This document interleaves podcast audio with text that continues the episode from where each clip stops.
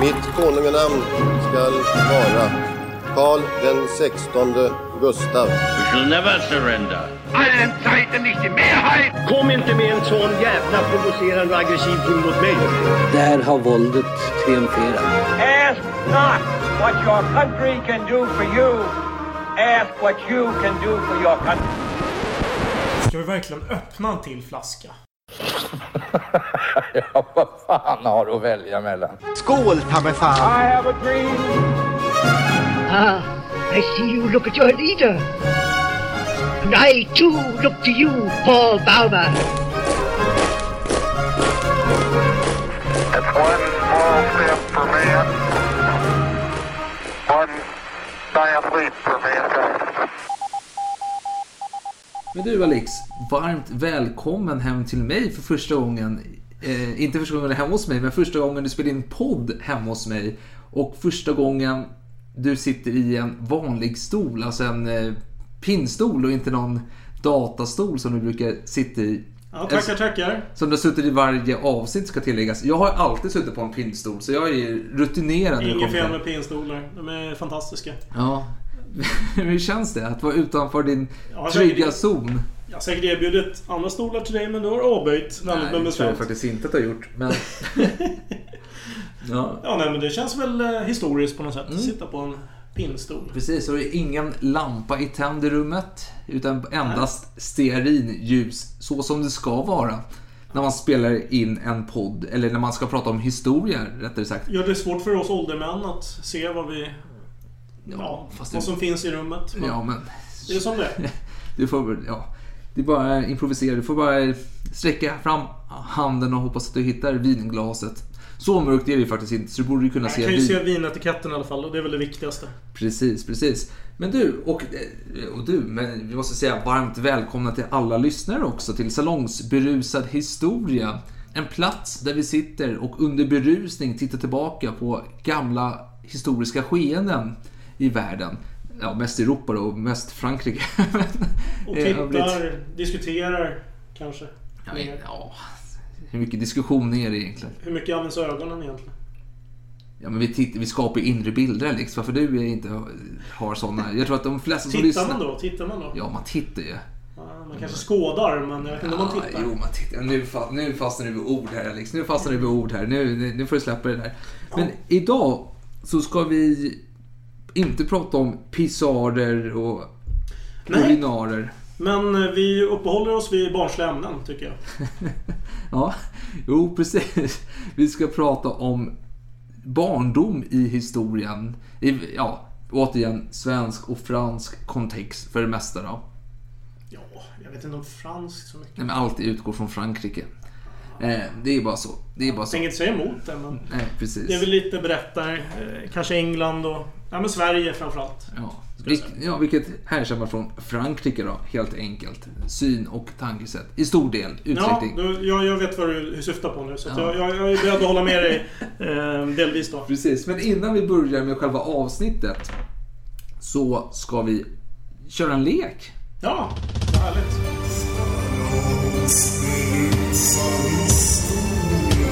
Nu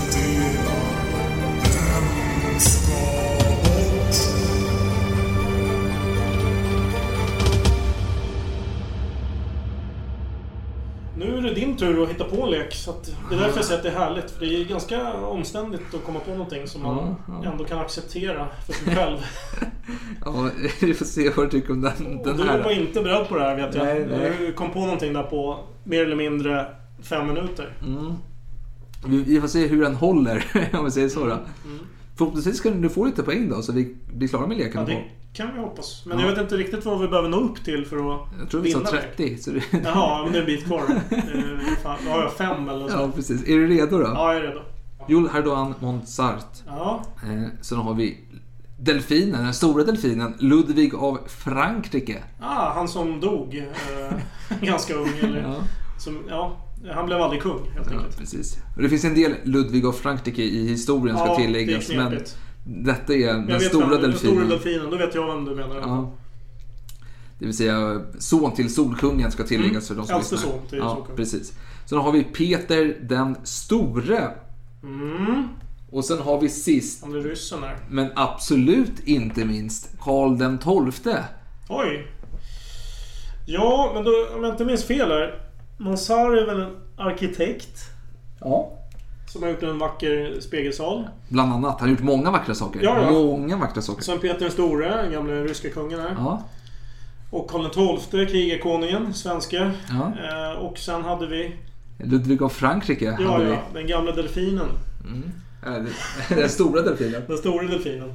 ja, just det. Eh, alltså den stora delfinen är inte känd för så mycket mer än att han avlat barn och eh, dog i, eh, vad var det? Smittkoppor. Ja, var det stämmer, stämmer. Eh, Monsa kan säkert också ha dött i smittkoppor, svårt att säga. Kan det vara det som är... Så, men, men, hade vi, dog inte i smittkoppor, det vet jag ju helt säkert. Peter den store, han kan säkert ha dött i smittkoppor, tänker jag. Så att jag... Ja, jag får ju vara lite snabbare. Jag säger Karl XII ska bort. Eh, Det är faktiskt rätt. Yes! Fem poäng! Woho! Men det är inte på grund av smittkoppor. Fan också. Men okej, så då har jag fortfarande chans. Ja, Nej. jo, du har en chans. Vi- Fast egentligen borde jag ju motivera. Och nu har jag ju fallit på det. Ja, men nu, nu vet jag att han ska bort. För det är så kanske man säger att det är andra chans har du gissat fel. Men vi ger en till chans Det var lite otydliga regler, för, Ja, till men- mitt försvar att säga. Men bra, då vet jag Abstrakta regler ska vi hävda. Det är moderna, abstrakta regler. vi... Men eh, jag uppskattar att få en ny chans då och försöka hitta anledningen till att Karl XII ska bort. Mm. Eh, ja, vad, ska, vad fan. Som sagt, delfinen. Ku- Kunglig. det var ju Karl XII också. Um, Mansar var ju förvisso inte av förstlig börd. Men det, det, det duger ju inte i, här, i sådana här sammanhang. Det förstår jag ju själv. Peter Nej. den store. Jag får bara säga en Eh, sak. Eh, Smittkoppor var faktiskt mitt första, det jag tänkte använda som förklaring. Men jag, fick, jag kunde inte binda ihop eh, historien så Okej. eh, jag fick ändra. Jag känner att jag är på spåret här som Hercule Poirot. Eh, och Ja, någon skurk inte som försöker inte lura riktigt, honom. inte riktigt. Försöker jecka honom. Ja. Fan, jag, alltså jag, jag känner mig så jävla nöjd med fem poäng. Så Ja, jag men jag säger, okej, då ger jag dig bara en liten ledtråd då. Jag fann Ja, det var väldigt dig. Jag, jag fann inspirationen under min juldag. När jag tänkte tillbaka på det. Jaha, okej. Ja, kan det vara något religiöst motiv? Ehm, den store, säkert ortodox. Delfinen, såklart eh, vet du, katolsk. Eh, sen har vi ju... Men då, då följer ju... Ja, i och för sig. Karl XII var ju protestant, men... Men ja, det känns väldigt konstigt detta. Monsar var ju katolsk säkert också. Så. Nej, jag- okej, jag drar till med lök i grejen. Ja, Att, att eh, Karl XII ska bort för att han inte var katolsk.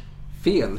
Ja, får höra nu då. Nej men Monsart, det sorgliga historien är när han dog så fanns det egentligen ingen riktig fullvärdig ersättare till honom. Alltså, För att bygga klart alla kungliga saker. Nej men svaret är Trianon. Ja, just det! Och min jul- vin som du drack nyligen ja. Ja, på juldagen drack jag Trianon-vinet. Ah, vilken, det där var en poirotsk slughet i, i Precis, hint alltså. precis. Det borde jag ha tänkt Ja. på kanske. Vad du drack för viner då. Precis. Inte det första jag tänker på. Nej. Men, Det borde vara det. Nej, men om vi säger så här då. Monsart, han byggde ju, han är arkitekten bakom Stora Trianon då.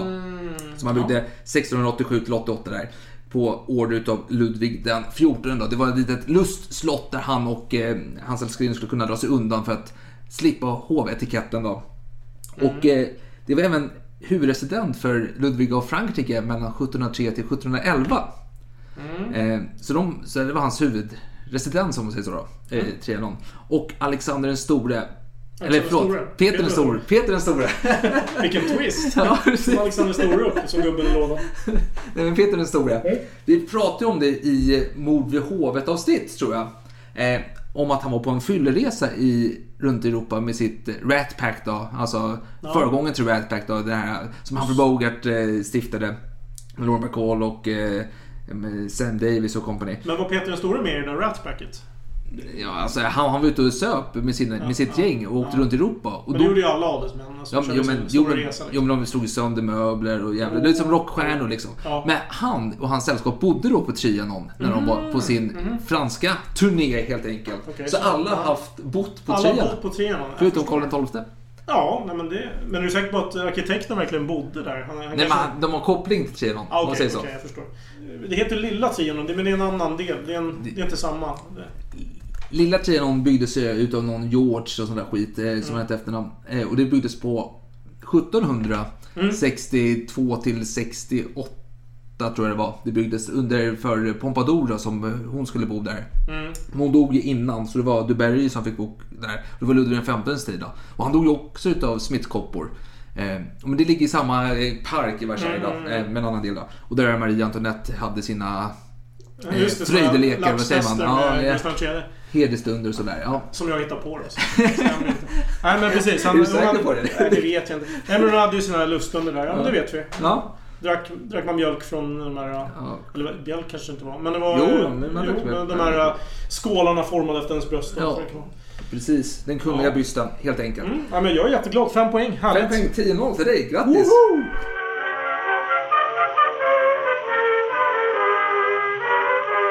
Ja, men då så. Då ska vi prata lite om barndom i historien. I den västerländska delen ska vi tillägga, så där vi fokuserar Sverige främst då. Men även lite inslag från Frankrike och i England och så vidare. Och det, detta är bara små nedslag, för det är ett ganska brett och abstrakt ämne. Alltså abstrakt i dagens ord känns det som. Men mycket... Filosofiskt ämne också. Ja, mycket filosofisiskt.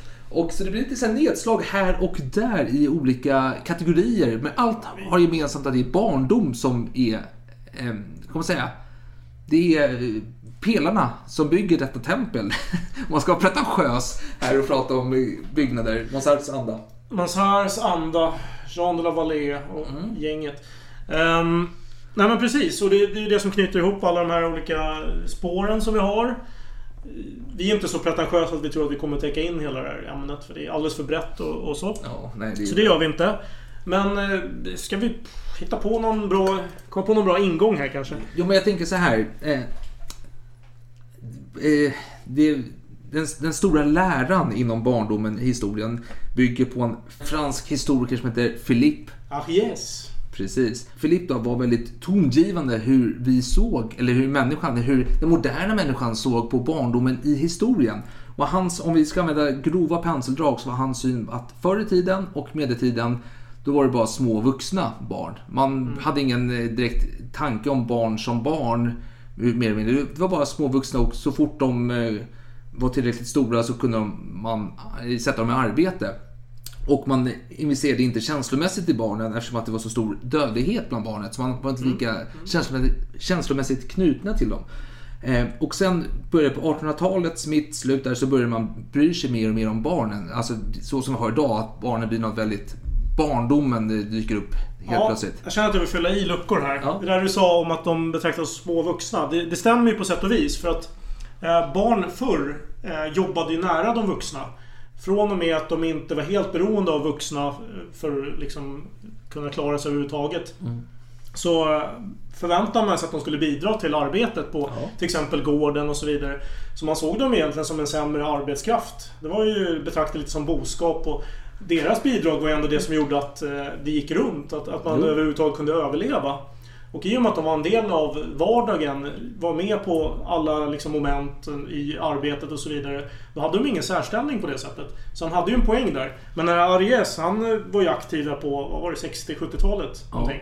Eh, Det hände ju mycket innan dess förstås. Du har ju den där boken av Ellen Key från eh, 1900 också. Den är, ju- har ju också varit tongivande. Där hon gör uttryck att eh, barn måste få typ en barndom i stort sett. Ja. Att eh, de måste få tid med sin eh, mamma i stort sett. Dedikerad tid och, och så. Som inte då har förekommit så mycket innan, för det har inte varit möjligt. Nej, nej. Men då växer ju hela det här med husmoders, eller vad heter det? Hemmafru... Idealet. eh, Idealet kan man säga. Det växer ju fram där ända fram till 50-60-talet. Det är då det når sin kulmen lite. Och eh, det är där idealen förstärktes lite av Harry Harlows eh, apexperiment då när man hade ett apor i bur och så hade man en liten surrogatmamma som var i lite pälsklädd, alltså mysigt klädd och så hade man Mm. en som bara var, gav mat då. För det, synen då var det då, påstod man att eh, barnet behöver bara vuxna för att få näring, alltså få föda Mm. och sen skiter man i resten.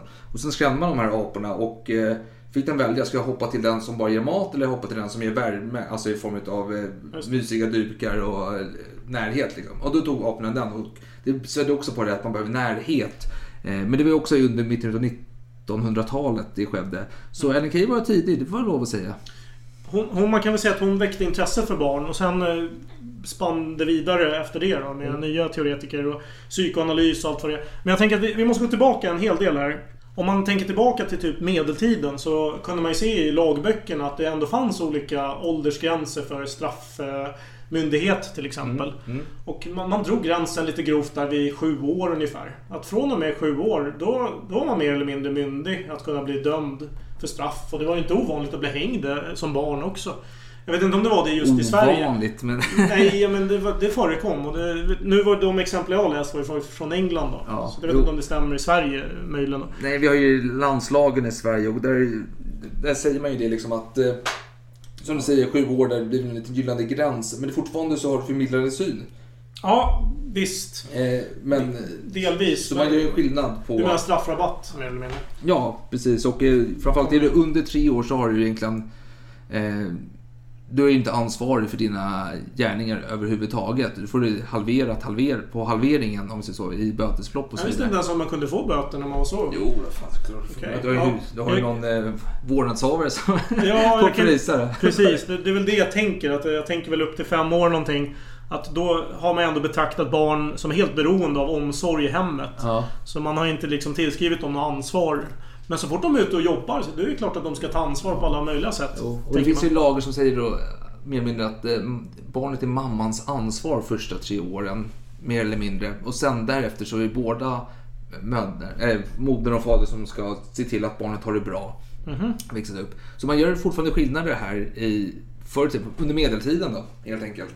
Ja, och man får ju säga det att de källorna som finns från medeltiden det är väl i första hand just lagböcker och liksom statistik. Rättsprotokoll. Möjligen såna här, vad heter det, namnlängder. Ja. Man förde ju lite statistik över vilka som fanns i de olika hemmen. Så man visste ju till exempel vilka åldrar de flyttade ut barnen och sådär. Och sen kan man ju kanske se i kyrkböckerna då om de Ja. har begått brott eller vad det nu kan vara. Precis, för bara, för bara återkomma till Philippe här, eh, den stora franska historikern då, som Ja. eh, satte sin stämpel på barndomens icke-varande i medeltiden.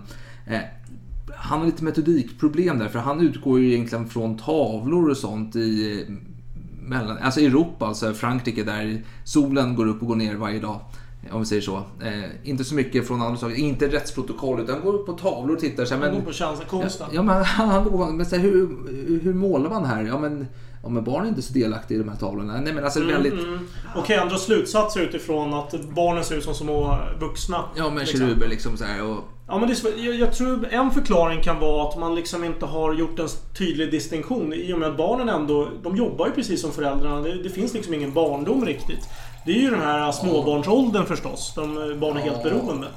ja, precis, och det, detta blir en, dels en filosofisk fråga, men även dels en...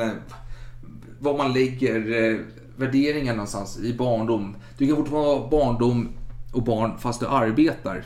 Främmande i dagens värld förvisso, men eh, jag vill hävda att det är flera stora tänkare under 1200-talet, 1100-talet och så vidare. Fanns det stora tänkare på den tiden? Ja, men Thomas av, vad heter han, eh, Aquino eller vad han hette, tror jag hade, jag tror att han hade en syn, ganska, vad säger man, nykter syn på barndom, alltså att det var olika åldrar och eh, att man delade upp det i flera olika stadier och så det, det vidare. var någonting han dokumenterade alltså. För Nej, många men- kanske inte gjorde det. De brydde, det fanns ingen tydlig distinktion. Nej, men var man och, det, lite små...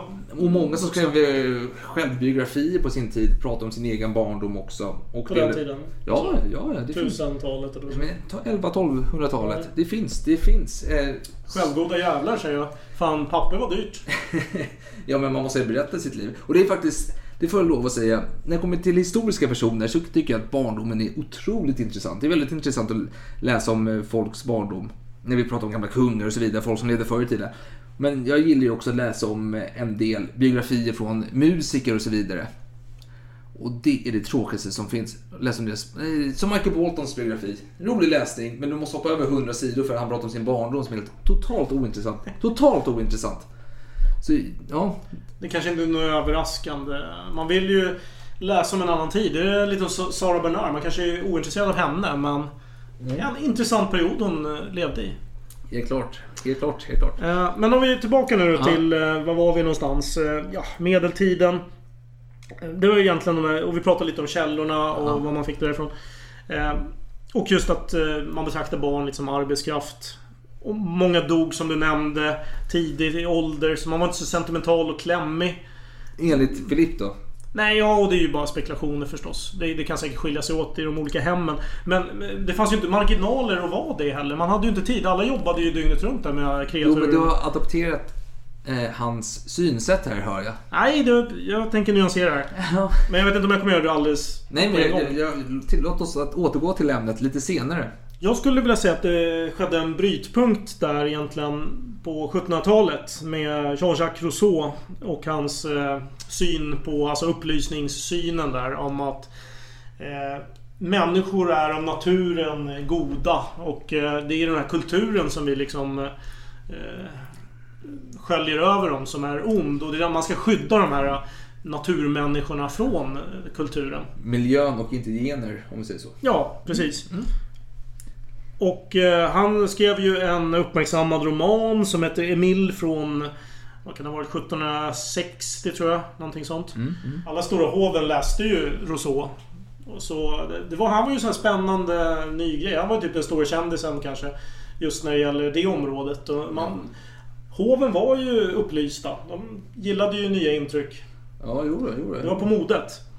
Eh, Och av en händelse så fick drottning Lovisa Ulrika en eh, slavpojke i present. måste vi bara specificera, specificera för de som inte kommer ihåg vem hon är, Lovisa Ulrika. Det är alltså Adolf Fredriks fru, Gustav IIIs mamma. Just det.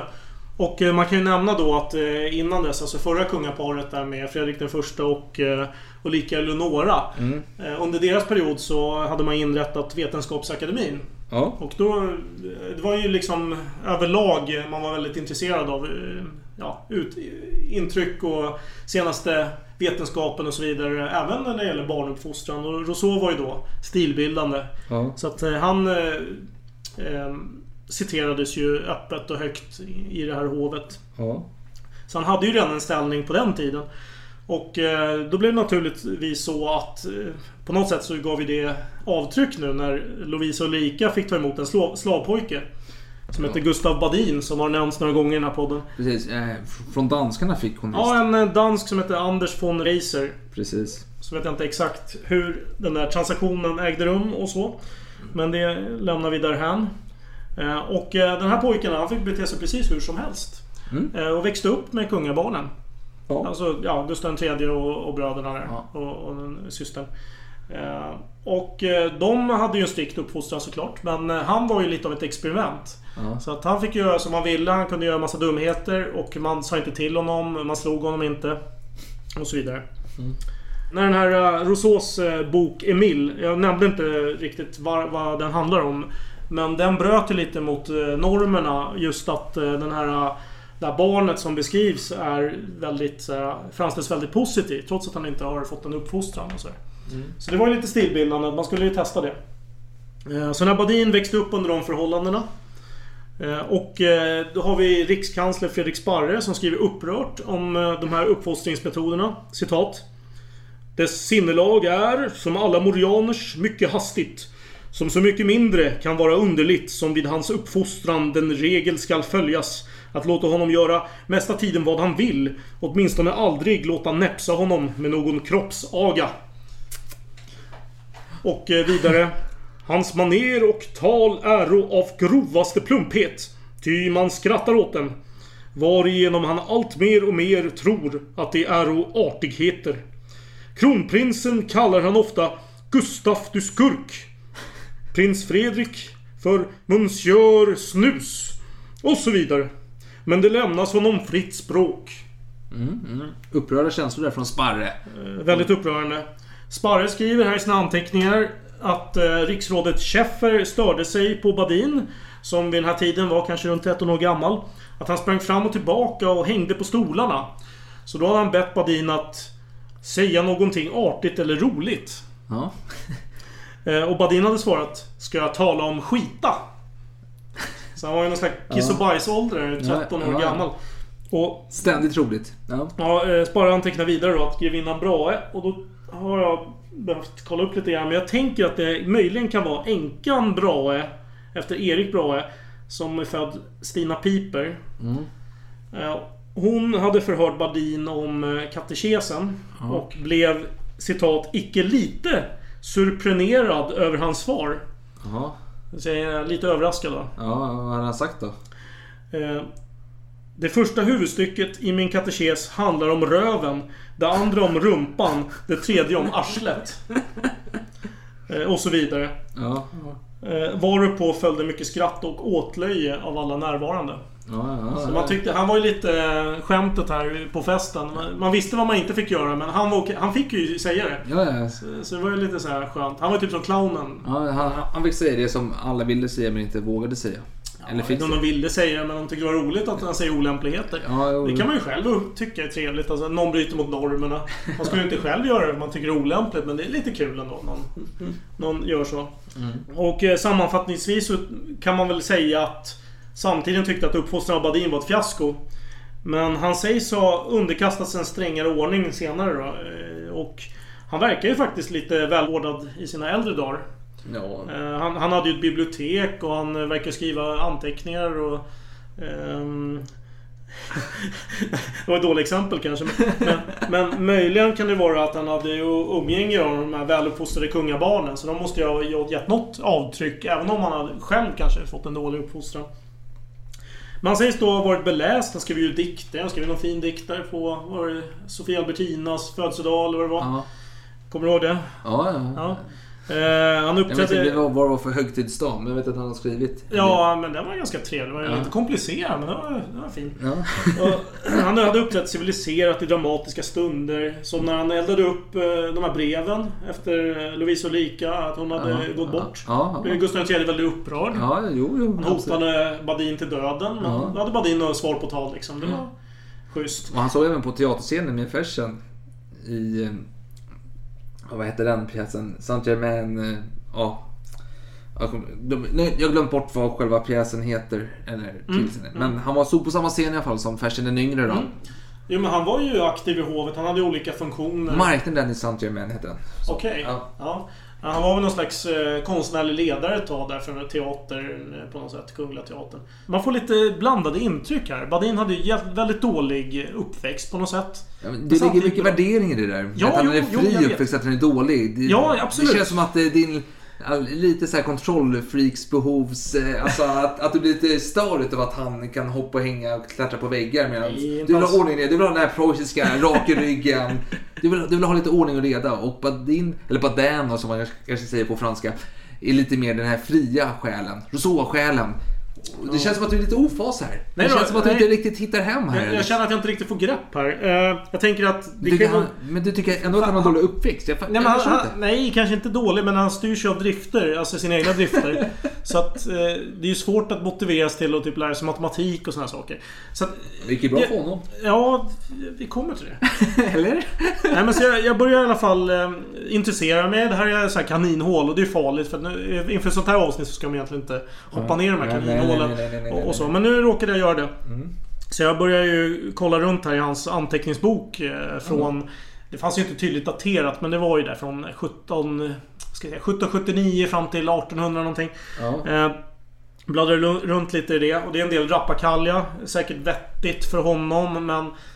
Eh, jag hittade ett längre stycke som var relativt läsbart. Jag tänkte eh, citera det så man får en bild av vad Bedin kunde skriva i sin dagbok. Ja, ja, ja. Den 26 juni klockan tre fjärdedelar till sex på eftermiddagen kom jag tillbaka med löjtnanten Gabriel Lestrade och eh, skipparen... Punkt, punkt, punkt, punkt, punkt, punkt. Tillika med hustru min och min svägerska. Ja, Hustrun då, Elisabeth Svart? jag. Kan ha varit. eh, Han gifte sig två gånger. Hon Okej. dog ju, jag kommer inte ihåg vilket år. Ja. Eh, hur som helst. Vi kommer till den värdshus som kallas Drottningholms slotts värdshus. Det saknas ett M, men jag antar att han menar Drottningholms slotts. Eh, och min kommentar är att jag tror att Badin här menar trävärdshuset. Som eh, brann ner 1912. Och bredvid det finns det något annat som heter Stenbergshuset som jag tror fortfarande finns kvar. Skitsamma, vi fortsätter. Ja. Jag gick in till det rum som är mitt emot husets ingångsport. I detta rum var en piga. Dess klädsel är svart hår med en fläta med två T så jag tror att det är felstavat, men vad vet jag. Som upphölls med en kam. Skorna svarta vita strumpor. Skorna ska vara... Det tror jag är korrekt. Det är någon så här skoklädd med... Ja. Skoklädd med svartvita strumpor tänker jag. Och vit klänning med uppsatt släp. Förklädets färg är mörkt citrongul med en lite hål. På avstånd är det denna beskrivna färg, men på nära är förklet brunt med gula blad. Denna pigan slog utur ett ölglas, drika inne i en butelje. Var uti, var till för henne dricka, som jag blev varse detta. Som jag blev varse detta sade jag, gift mig icke av sådan dricka, ty jag vet att det brukas att göras på sina ställen.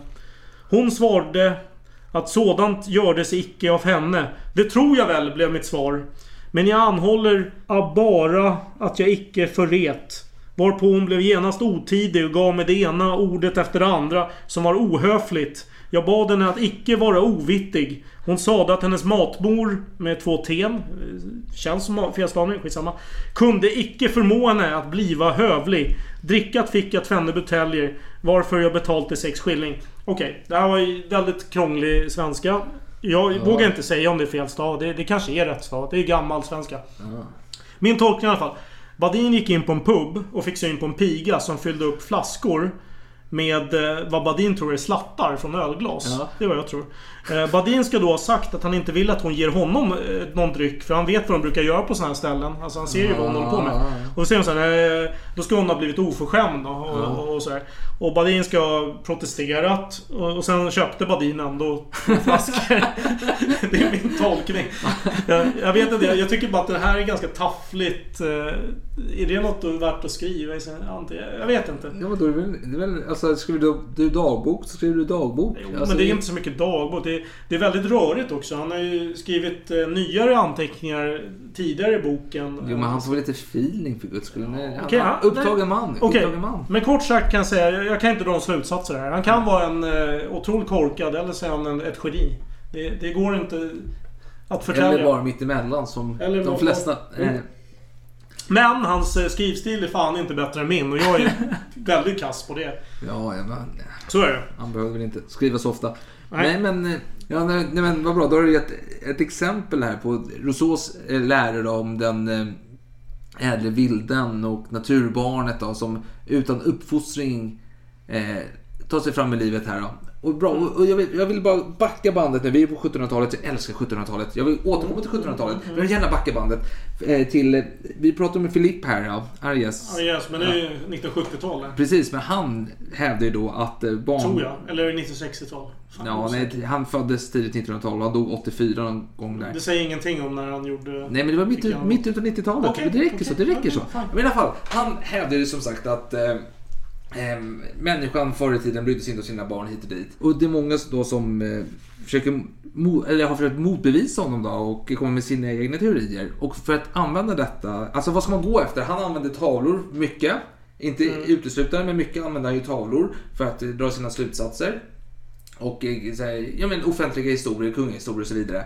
Eh, och de här motståndarna till den här idén, de vill ju gå mer på det som de anser vara befogat. Och det är dels rättsdokument som vi har varit inne på i landslagen och olika dokument som har överlevt av historien. Men även hur spreds historien? Hur spred man bilderna förr i tiden? Jo men det var predikan och det var helgonlegender och olika sagor som man berättar idag fram och tillbaka. Och kristendomen spelar en stor roll i människors liv. Och då får man fråga sig, hur är Bibelns syn på barn? Och dels så har du Jesus i templet. Eh, det är alltså när han är några år gammal. Han är väl 10, 12, 13, 13 kanske han är. Eh, och eh, mamma Maria tappar bort honom någonstans och hon letar. Men på den tiden fanns ju inte någon sån här kundkassa du kan gå till liksom. Som man har när man var liten. Jag har tänkt på det. Förr i tiden så var det ofta så här. Olles mamma Ja, eh, just väntar... eh, Bla bla, kan Kanske inte finns så stora affärer längre. Nej men jag tänkte så här, förr var man nog lite slappare. Det är nog min spaning. Nu för tiden så är det så här, ja, vad fan. Nu, Så kan det vara. Nu är hönsmammor Du är inte den enda som har gjort den liksom. spaningen. Det kommer jag komma in på igen sen. Ja, ja. Men vi väntar med det. Ja, men så Maria och Josef sprang runt här och letade och hittade honom i templet då, där han satt och pratade med lärde människor. Och då sa vad fan gör du här liksom? Och han, men jag, jag är med min far liksom. De bara, men fan följ med hem nu. Okej, ja men han följer med hem. Och det var ju viktigt, för man ska lyda sina föräldrar. Även om han har då en gudomlig far då, så följer han med sina föräldrar hem. Och det var viktigt, man ska lyda sina föräldrar. Det är jävligt viktigt. Eh, Enligt Moses va? Precis, ja, och sen har du ju Abraham som offrar sin son Isak. Och det var ju väldigt eh, storartat. Här tar han fram Eh, Gud säger till honom så här, men eh, dräp din son för guds skull. Och han sa, "Åh, fan okej jag ska dräpa min son med en eh, svärd eller kniv. Eller, det är olika variationer på, beroende på tidsandan. då. Och så ska han hugga huvudet av sin son. Mm, det var ett boskap. Och ingen, och ingen stoppar honom. Eh, och då är frågan så här, det finns ju en svensk översättning utav Bibeln från 1300-1400-talet. Där man skriver kommentarer kring detta. Och då tänker man att den här kommentaren kan vara väldigt speglande för vad man tänker Ja, kring barn. det tycker jag. Då, har man ju på något vis tagit kraftig ställning till den här texten och velat kommentera. Precis. Och Det gör man väl inte på varje rad, tänker Precis, och det är från Vadstena tror jag den här äh, bibeln kommer ifrån med den, den svenska översättningen. Att Gud har givit honom sonen och därför var han skyldig att göra med honom vad Gud ville. Han förtröstade fullkomligt att Gud månde honom uppresa ur döden.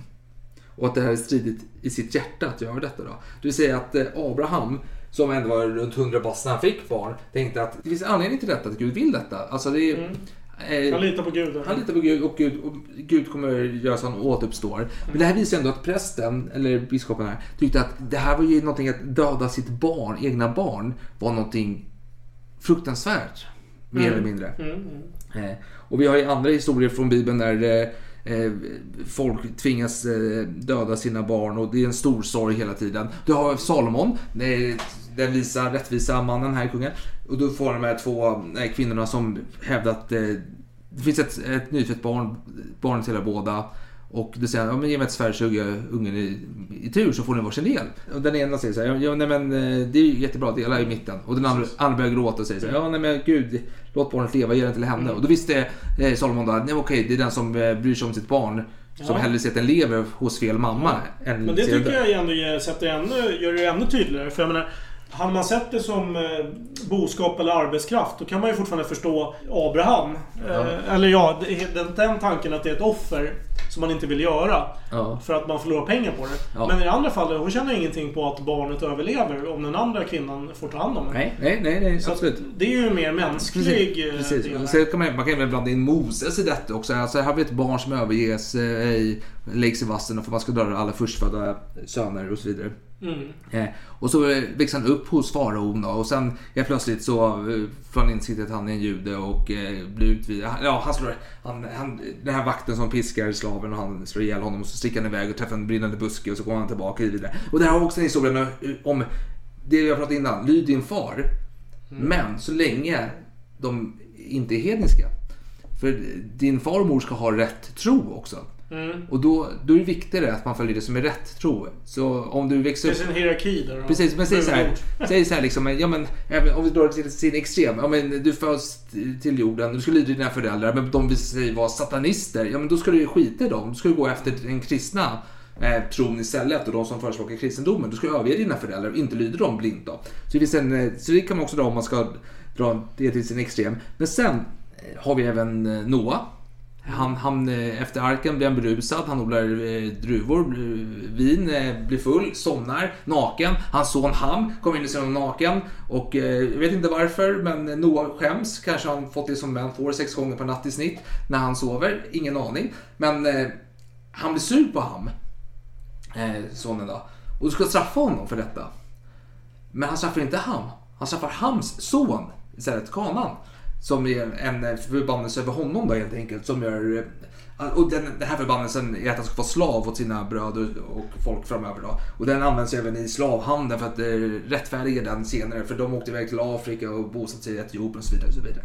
Och, då, och det finns ju faktiskt eh, eh, tolkningar på detta, vad det var som faktiskt skedde. Att, var det bara att han såg sin farsa ligga naken liksom? Tim McKee, som är någon sån här doktorand i bibelstudier och hebreiska språket, han säger då att eh, såg sin far ligga blottad på hebreiska är sannolikt en formulering i Toran då som eh, eh, används för sexuella övergrepp. Så kan det vara så att han gjorde sexuella övergrepp på sin far och det var därför Noah blev så arg och skulle bestraffa. Men det intressanta som jag tycker här det är att han bestraffar inte sin son utan straffar det värsta man kan bestraffa, sitt barns barn. Och då kan man fråga om det är så att han bryr sig om kanan så mycket sin son då, eller om det är så att man förstör för den ätten framöver. För han har redan avlat av sig tidigare. Så att straffa sin son som redan har barn så kommer fortfarande barnets ett leva vidare och eh, frodas utan problem. Men straffar man den som är näst i tur då förhindrar man hela den ätten. Eller du ger mig hela den framtida ätten eh, en Och förbannelse. Ja men precis. Det är ju mer långlivad Ja. förbannelse. Precis, så, så det finns ju men fortfarande...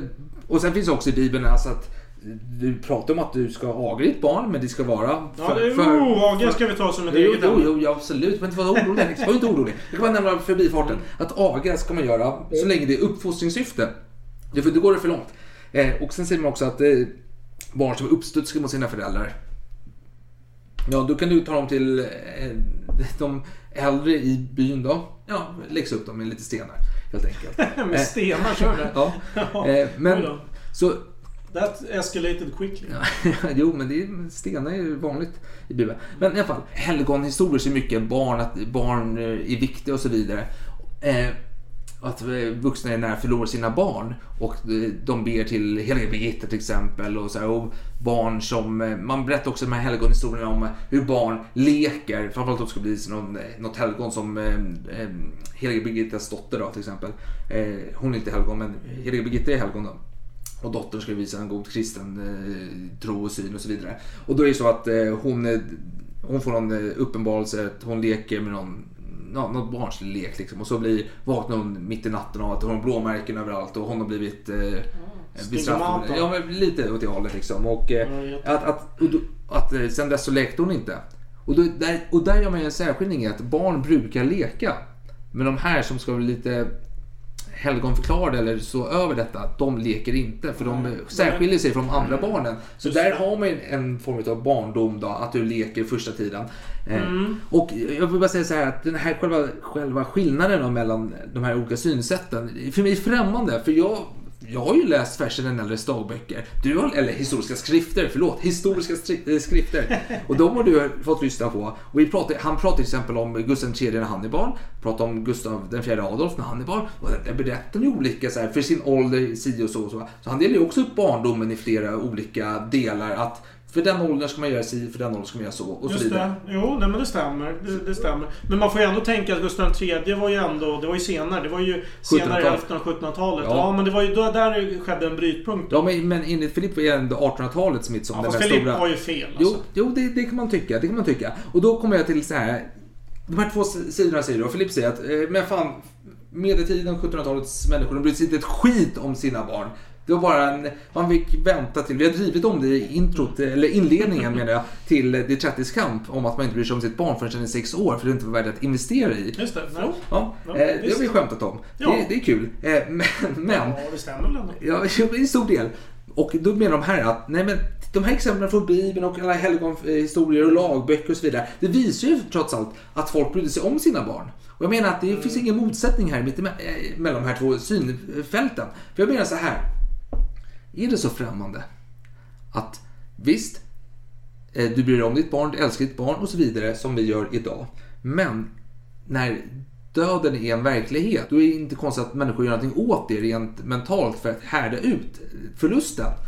Eh, Och då låt mig ta ett exempel. Då hoppar vi till 1700-talet. 1780 finns det i en tidning, då, en liten sammanställning. Det är, jag tror det är Stockholms-Posten som skriver det. Och det är från 79 eh, siffrorna kommer ifrån då. Och... Eh, fan, jag behöver mer vin. Alltså. Ja, ja, men det finns vin här. Frank. Ja, men här är Frank. Här, här är Frank. Jag ska ju skälla ur för. Jag har salig blandning. Det är en Solera. En Solera, Adam. Nej, jag kommer köra Solera på det här. Ingen snack om saken. Det är historiskt. Ja, så sterilt glas. Är fruktansvärt syn. Sterilt Jag kastar bort det gamla. Men snälla, är det här du ger mig? Det är så stort glas. Jag Ja, men det är en stor Det blir så mörkt. kupa. Jag ser ju inte Det är en glaset. stor kupa. Oj, nu blev jag ansatt av en hund här. Då får du... Ja, jag vill Aj, hälsa. Fantastiskt. Dricker vi, vad dricker vi för någonting nu? Flaska nummer två, det är inte Barolo längre. Vi går till Frankrike. Chateau Henryson, hej. Vi går till Frank... Frank. Franks reserv. Chateau Lerison. Och det betyder ju... Ja, det här är ju stavat på annorlunda men det betyder ju... Eh, vad fan heter det? Sådana här djur som har taggar. Eh, igelkott. Ja, ja. Igelkott. Tjur som har taggar. Ja, men precis. Igelkott. Ja, ja.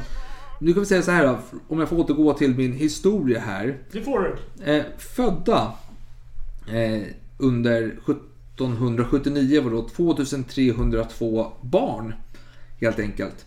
Och, eh, och utav de här 2302 barnen som föddes. I Stockholm 1779 eh, så dog 738 barn inom ett år.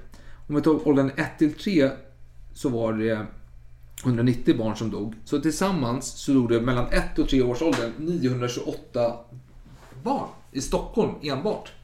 Eh, och om vi tar, lägger vi på 70 barn för, mellan 3 och 5 år. Ja, det är dog. för många siffror. Kan du säga hur många procent istället? Så Jag kommer till så det. att vi som så är totalt, så bara- totalt för kör. 1 till 5 år i Stockholm år 1779 dog 998 stycken barn. Det vill säga 43,3 procent utav de som föddes. Alltså så om den här siffran skulle hålla i sig även nästkommande fem åren. Då skulle alltså 43,3 procent utav de som föddes 79 dö. Och då kollar man på lite moderna siffror då, för att ge lite jämförelse. Om man kollar på Nigeria så har de 11,7 procent år 2019 som dog. Och de, lig, de är tyvärr i toppen då. Betydligt, vad ska man säga, bättre då än vad Vad det var i man Stockholm. hade i Sverige eller Stockholm. Stockholm Mm. specifikt då. Och eh, eh, för Sverige då, totalt år 2019 så var det 114 523 födda och 237 döda, alltså 0,21 procent. Ja, Som oj, hade det rätt. är ju stor skillnad. Eh, inom första året och inom eh, fem år tror jag det var 0,27 procent eller sånt där. Ja, så nu är det nästan obefintligt att man...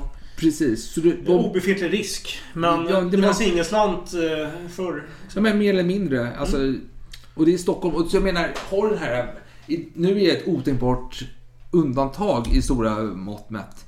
Att, eh, ett, man dör. att ett barn dör. Då var det mer regel än undantag. Och det ska tilläggas är att i de moderna siffrorna då pratar man om levande barn. Alltså barn som har fötts levande. Ja, just det. Eh, jag, de här siffrorna som jag har vet jag inte riktigt. Eh, det finns en kategori för sjukdomar, hur folk har dött. Och då står eh, eh, barnabörd för 32 stycken. Jag antar att det är mödrar i min okunskap som har dött vid förlossningen. Eh, Ja, det låter eller är det barn? Men i alla fall, det roliga här är att man hittar lite sidostatistiken. Fast tittar. roligt det där, det får Ja, höra. för det är så här att drunknade på öppen sjö. Mm. Hur många kvinnor tror du dog utav det år 1779? En... Noll. Ja, Hur många män? 50. Nej, 16.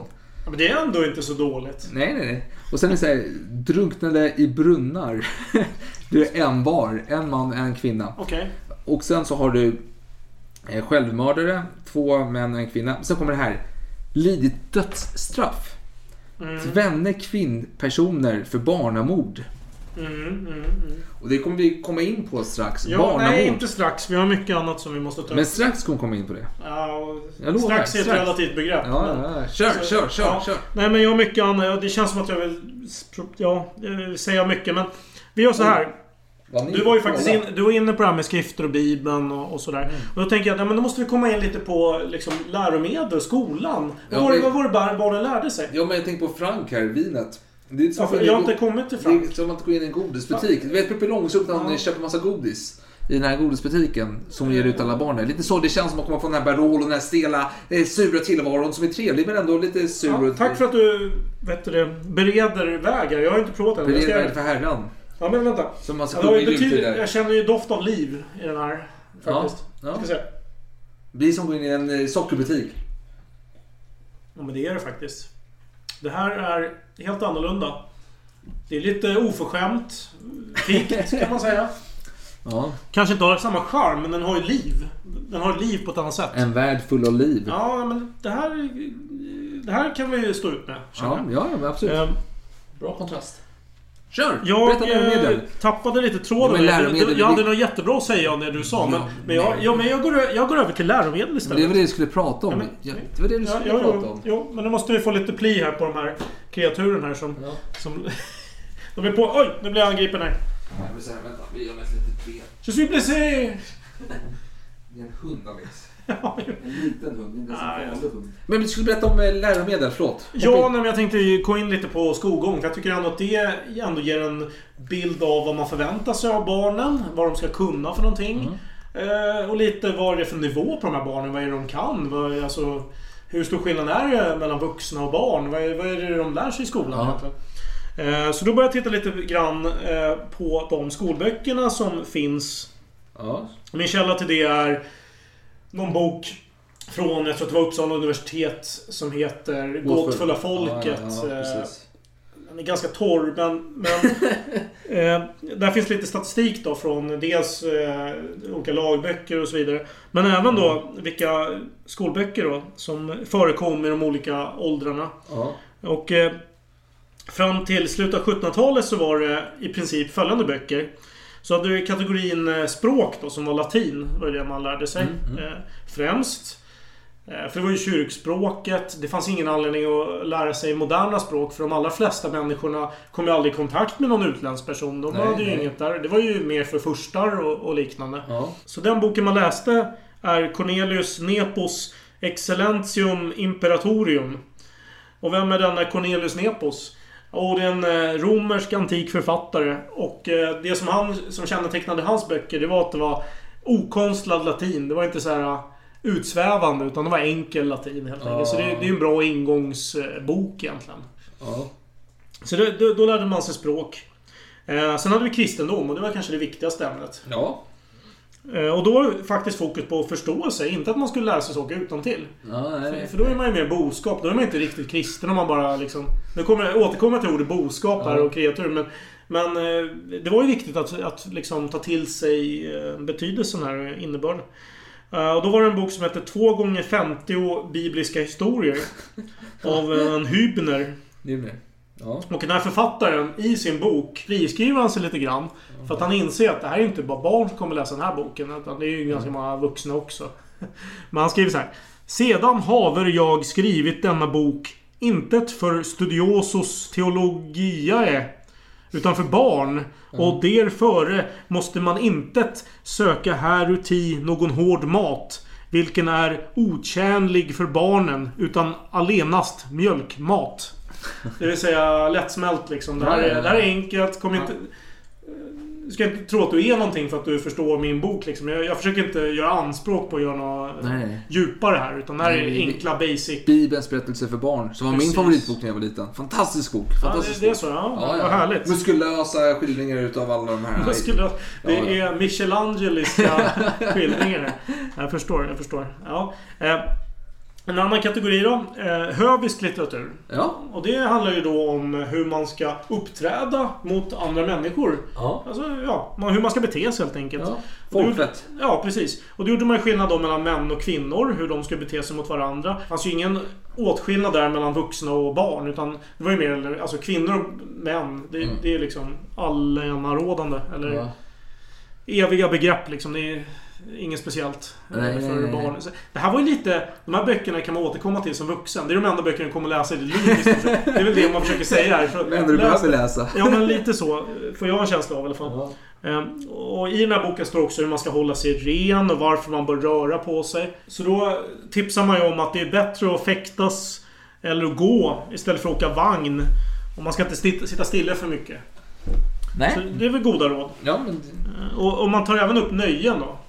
Och nöjen tänker du, alltså barn, nöjen. Vad är, det för, vad är det för nöjen man kan tänka sig då? Kanske lekar, man hoppar hage. Ja, det låter rimligt. Det låter rimligt. I min värld. Men inte i eh, Hans den värld. här uh, Hübners värld. Nej. Utan, eh, I Hübners värld så består ju nöjen av fylleri, spel, dans och teater. Så det, det är min typ av kille det alltså. ja, precis. Så han ja, så det var hans nöjen. Så eh, det här med barnnöjen och lek och det, det var ju ingenting att skriva om helt enkelt. Nej, fylleri det Nej, men man får väl ändå tänka att de här böckerna vänder sig till läskunniga. Ja. De barn som håller på med de här eh, mer barnsliga lekarna, de är väl så små så de inte kan läsa, tänker jag. Om man ska nyansera lite grann här. Ja. Eh, För att just under skolåldern, då var det ju mer för att eh, förbereda barnet inför yrkeslivet egentligen. Ja. Det var det det handlade om. Att de, de var för gamla för att vara hemma och socialisera bara med föräldrarna. Men de var för unga för att börja jobba. Ja. Så det var det som var syftet. Ja, jag har en sista grej då om, om skolgången och det är ett begrepp som heter jäknegång. Eller sockengång. Det var någonting som jag inte hade koll på i alla fall. Eh, och det är känt sedan åtminstone senmedeltiden. Jag har hört talas om det. Och det reglerades i alla fall där på 1400-talet tror jag i Sverige. Exakt när det fick förekomma och så vidare. Men eh, om man ska använda lite vulgära begrepp här så var det lite av ett tiggartåg med skolelever. Jag skulle säga ett lussetåg fast... Ja, fast de var tiggare också. Okej, det var lust. Jo, jo jag, jag ger dig halvt rätt. Men Ja. vi, vi fortsätter här. Eh, de här som deltog i de här tågen eh, var så kallade jäknar. Eh, och hela den här idén om jäknetåg det upphävdes officiellt 1780 men det fortsatte in på 1800-talet. Eh, och det det handlade om det var egentligen att bekosta de här elevernas skolgång. Ja. Och kanske även lärarnas löner och sådär. Eh, För det, det var lite, det var någon slags eh, grå zon för vad kungens budget skulle liksom gå till. Alltså, Ja, ja. Kungen ville inte riktigt bekosta de här grejerna. Men så han kunde ge dem en chans att få pengar i alla fall. Genom att låta dem tigga Tigga. själva. Men, men det var ju inte bara ren tiggeri. Det var inte bara att eh, skoleleverna gick ut och tiggde. Men det påminner lite om Egypten, förlåt. När jag var Mm, ja, på kör. Egyptiska museet eh, i Kairo då. Så går man, eh, går man runt och kollar på alla grejer och så ska man gå på toaletten. Och även där finns det tiggare som delar ut pappersark mot en slant då för när du ska på toaletten. Det är inte bara så att Vad är de det för papper? är Ja, det är toa- toalettpapper. Ja, ja. ja det, är, Ja. det är ingen jävla nej. skript liksom. Nej, jag tror Papyrusar från gamla faraoer. Nej, Nej. nej, men jag tänker så här, det är inte för att de sitter och tigger utan det är just att de delar ut De pappers... säljer papper, ja. Och det finns inga papper på toaletten. Utan Nej. det är de som till... Ja, det är till de annan säljer toapapper. Ja. Mm, intressant. Ja. Ja, fast det det är inte riktigt samma grej. Nej, nej, nej, men jag kan väl säga så här. Ja. Egyptiska museet i Kairo då. Då Ja. var det sanktionerat. Ja, så att säga. okej. Jo, nej men det finns en koppling och det är ju just att det är sanktionerat. Då. Det var det jag ville komma som är till. Det var det jag ville komma För annars till. så tycker jag inte att... Det var lång för de omväg för att komma dit. Man kan ju säga att de erbjuder en tjänst som du är i behov av. Medan de här jäknetågen, det var ju inte nödvändigtvis någonting som folk ville ha. Utan det var bara ett nödvändigt ont. Ja, Eh, det är kul att... Jo, jo, jag, jag kommer lite till vad, vad det handlar om. Ehm, eh, först och främst så var det rektorn för skolan som reglerade när och eh, om det fick äga rum då. Ja. De här jäknetågen. Och det som hände var att de skickade ut de här eleverna till olika socknar. De skulle inte vara i samma socken för det blir Nej. väldigt påfrestande för befolkningen om det kommer massa tiggare Ja. till samma ställe. Så, så de skickades till olika socken då. Eh, och det de gjorde var att de eh, sjöng ofta salmer eller gjorde små religiösa uppträdanden. Ja. Och, och det här med vet du, stjärngossar. Ja. Det är ju en F- eh, kvarleva av Ja. denna tid. Det var ju just en sån här jippo som Ja. jag höll på med. Ehm, och det var ju... Det var ju Ett mer... jippo, fan alltså. Ja, du tar Ja. ställning i det här avsnittet. Du Nej, jag vet ställning. inte om jag gör det. Jag försöker Jo, bara du förenkla. pratar om en eh, värdelös uppfostran och här är ett jippo när du, när du lussar för varandra eller Ja, gör religiösa Nej, sångmanövrer för Ja, nej men jag vill att få upp inte lite pengar till... få in någon moralisk värdering i det här. Utan jag vill bara försöka beskriva det på ett enkelt sätt. Ehm, men i alla fall. De uppträdde då mot betalning. Det var ju underförstått att de skulle få betalt. Och det här kunde vara väldigt provocerande för de gårdar som inte skickade några elever till skola överhuvudtaget. De förväntas betala pengar. Alltså det här är ju surt fördärvade slantar för dem. Ja, ja, ja. Så de kunde bli irriterade på detta. Och den här irritationen kunde då eskalera. Det, det var i och för sig inte irritationen... Ja, det var från bägge hållen då. Eh, Det finns nämligen uppgifter om att de här jäknarna med våld skulle ha inkrävt den så kallade jäknehjälpen. Det är bus eller godis alltså.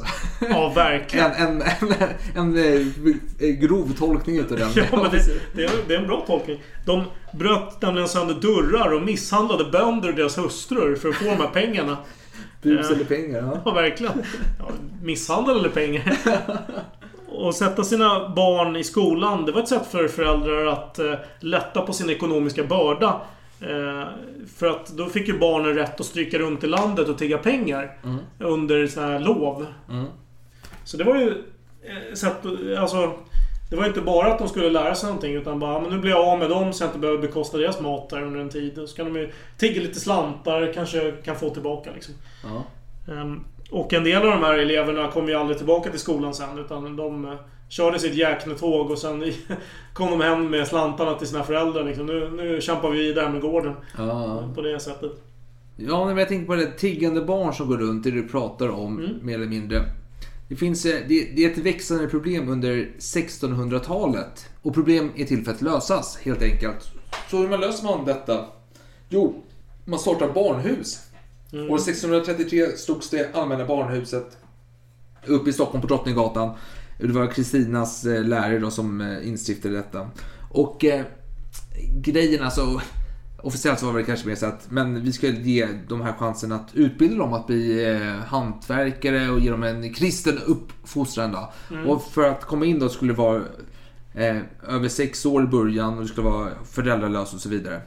Mm. Men sen med tiden så blev det att eh, yngre barn som kom dit och du kunde även ha eh, föräldrar men de hade inte råd att ta hand om dig. Och detta kommer bli en följd av Gustav IIIs barnamordsplakat då, som vi återkommer till lite senare.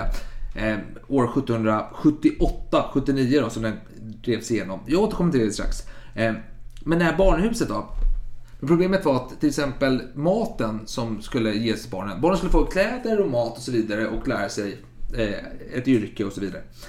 Men maten, de som jobbade där, de tog ju en stor del av maten och sålde vidare extra för att få extra pengar på fickan. Så att all, om man säger så här, den näringsfulla delen av maten gick försvunnen så barnen fick resten helt enkelt. Ja, svinn. Ja, precis. Och eh, i spinneriet, alltså de, blev avlönade på produktion mer eller mindre, de som eh, föreståndaren här.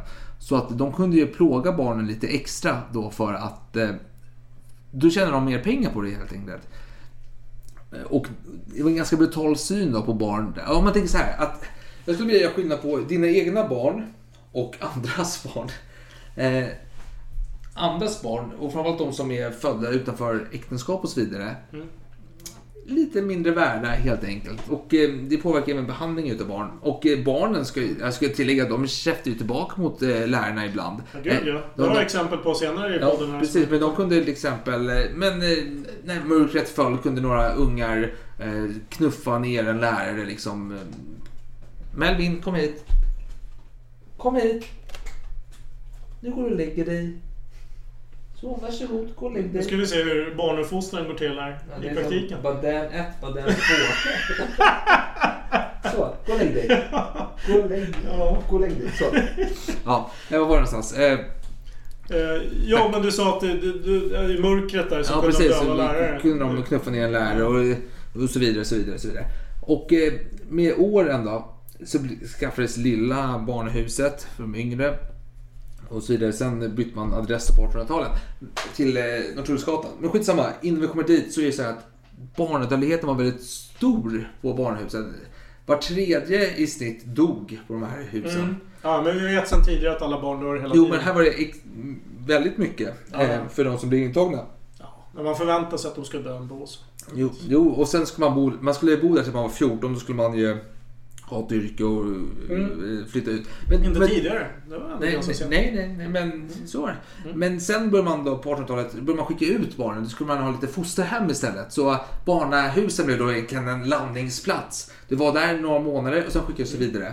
Och då var det präster i de här områdena som skulle ta hand och eh, kvalitetssäkra de här fosterhemmen. Att det allt, allt eh, var som det var. Liksom. Men det man, ja, det man brydde sig om var kanske inte att de eh, var friska och krya och mådde bra. Utan det var att de hade fått en kristen eh, uppfostran mer eller mindre. Det, var det viktigaste. Ja, precis. Eh, och sen på 1830-talet, tror jag 39 kanske, ger man uppdrag till en person att åka ut i Europa, kolla på andra barnhus. Mm.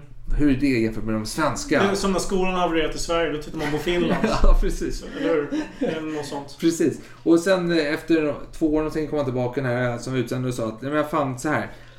I Sverige, vi placerar alla sjuka, sköra barn längst ner i någon källare utan fönster där det är fuktigt. Och det är inte bra. Och all, de behöver ju ljus och frisk luft och sådär. mycket- Ja, precis. ja, ex- extra mycket frisk luft ja. och eh, utsikt och så här, ljusintag. Mm. Eh, Så måste vi ändra på. Och sen eh, de här sängarna, de är fulla med loppor och ohyra. För Mm. man bäddar i regel om en gång per år. Och oftast Oj. var sängarna, madrasserna ruttna också dessutom. och så hade ju alla barn mörka klädsel, alltså så här, vad heter det, barnahuskläder då. Så man såg ju inte smuts på dem heller. liksom. Nej, man kunde inte se smutsen. Nej, nej, precis. nej. Och, Det är sen, och, och problemet med de här kläderna också att oftast växte ju barnen ur dem ganska fort. Det var, Mm. tog tid man fick nya så de kunde gå utan skor långt in till hösten till exempel. Mm. Men det tog ändå till 1850-talet innan man då gjorde en reform om detta med barnhusen. Då. Mm. Eh, Men det jag ville komma till just var att skola dem var viktigt den här tiden. Att man skulle bli en eh, anständig Mm. Medborgare. Och eh, relaterat till det här så just de här eh, husförhörslängderna som bedrevs Ja. eh, under väldigt lång tid. Eh, de gick ju till viss del ut på just att förhöra familjemedlemmarna på hur deras kristendomskunskaper. Mm. Så då gick ju prästerna runt. De skrev ner vilka som var i hemmen och vad de hade för eh, kunskaper egentligen. Så vet jag inte riktigt vad eh, resultatet blev om, om det var riktigt dåliga kunskaper. Om, om de fick något straff och sådär. Det har jag faktiskt inte koll på. Men det var någonting som noterades i alla fall. Då fick man smisk av prästen, så att säga. Innan vi kommer in på den lite burkare delen så tänkte jag att vi kan väl avhandla det här med föräldrarnas relation till barn. Ja. Hur den har ändrat sig med tiden. Mm. Och då kan man titta lite i litteraturen. Vad var det för böcker som skrevs? Jo, du har ju Enchiridion eh, från 1696. Av en Francis Quarles. Som uppmanar föräldrarna att inte älska barnen för mycket. det är farligt. Eller åtminstone inte låta barnet märka det. Nej, att de nej, nej. älskar. Eh, och mödrar i den högre societeten uppmanades tidigt till att ta avstånd från sina barn genom att amningen skulle överlåtas till ammor. Ja. Eh, och för det ansågs djuriskt att ge barn di. Och man eh, ansåg att kvinnan kunde ta skada av det för det var en skör, skör varelse. Ja. Eh, Och eh, den här mjölksaften den var nödvändig för hälsan. Så det var ju inte bra. Och, det, och, och kvinnan skulle förlora sin skönhet också. ja, jo. Av detta. Och Sören, eller vad är det man säger? så Jag vet inte. Det här får stå för dig. Nej, det är bara, jag antar det är det de åsyftar, eller vadå? Jag vet inte. Jag tar avstånd. Nej. Nej men eh, det här avståndstagandet. även detta som vi har i det här rummet. Det var alltså norm. Eh, Sen har vi George Saville, markisen av Halifax, som skrev i en bok eh, Råd till en dotter. Den här boken har översatts på svenska 70 år senare till Råd till sin dotter. Ja, Men den korrekta översättningen är Råd till en dotter. Ja, ja. Och boken skrevs alltså 1688 och inte 1758. Nej. Som vissa författare hävdar. Bland annat Ja. en författare som jag själv har läst. Som jag har nämnt i den här podden. ja, ja. ja. Eh, lite irriterande faktiskt. Eh, men ja, boken är alltså från Men är inte 1688. det skönt man får tillrättavisa riktiga historiker och författare?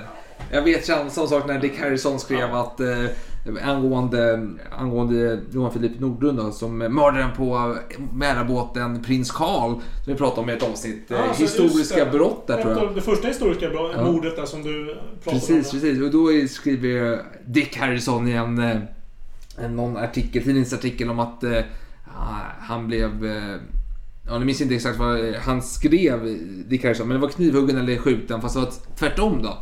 Enligt eh, rättsprotokollet. Så det är lite kul ändå när man eh, kan läsa och säga nej, ajabaja, det var fel. man kan smälla på Herr fingrarna. Dick. Herr Dick. Ja, det är hårda ord.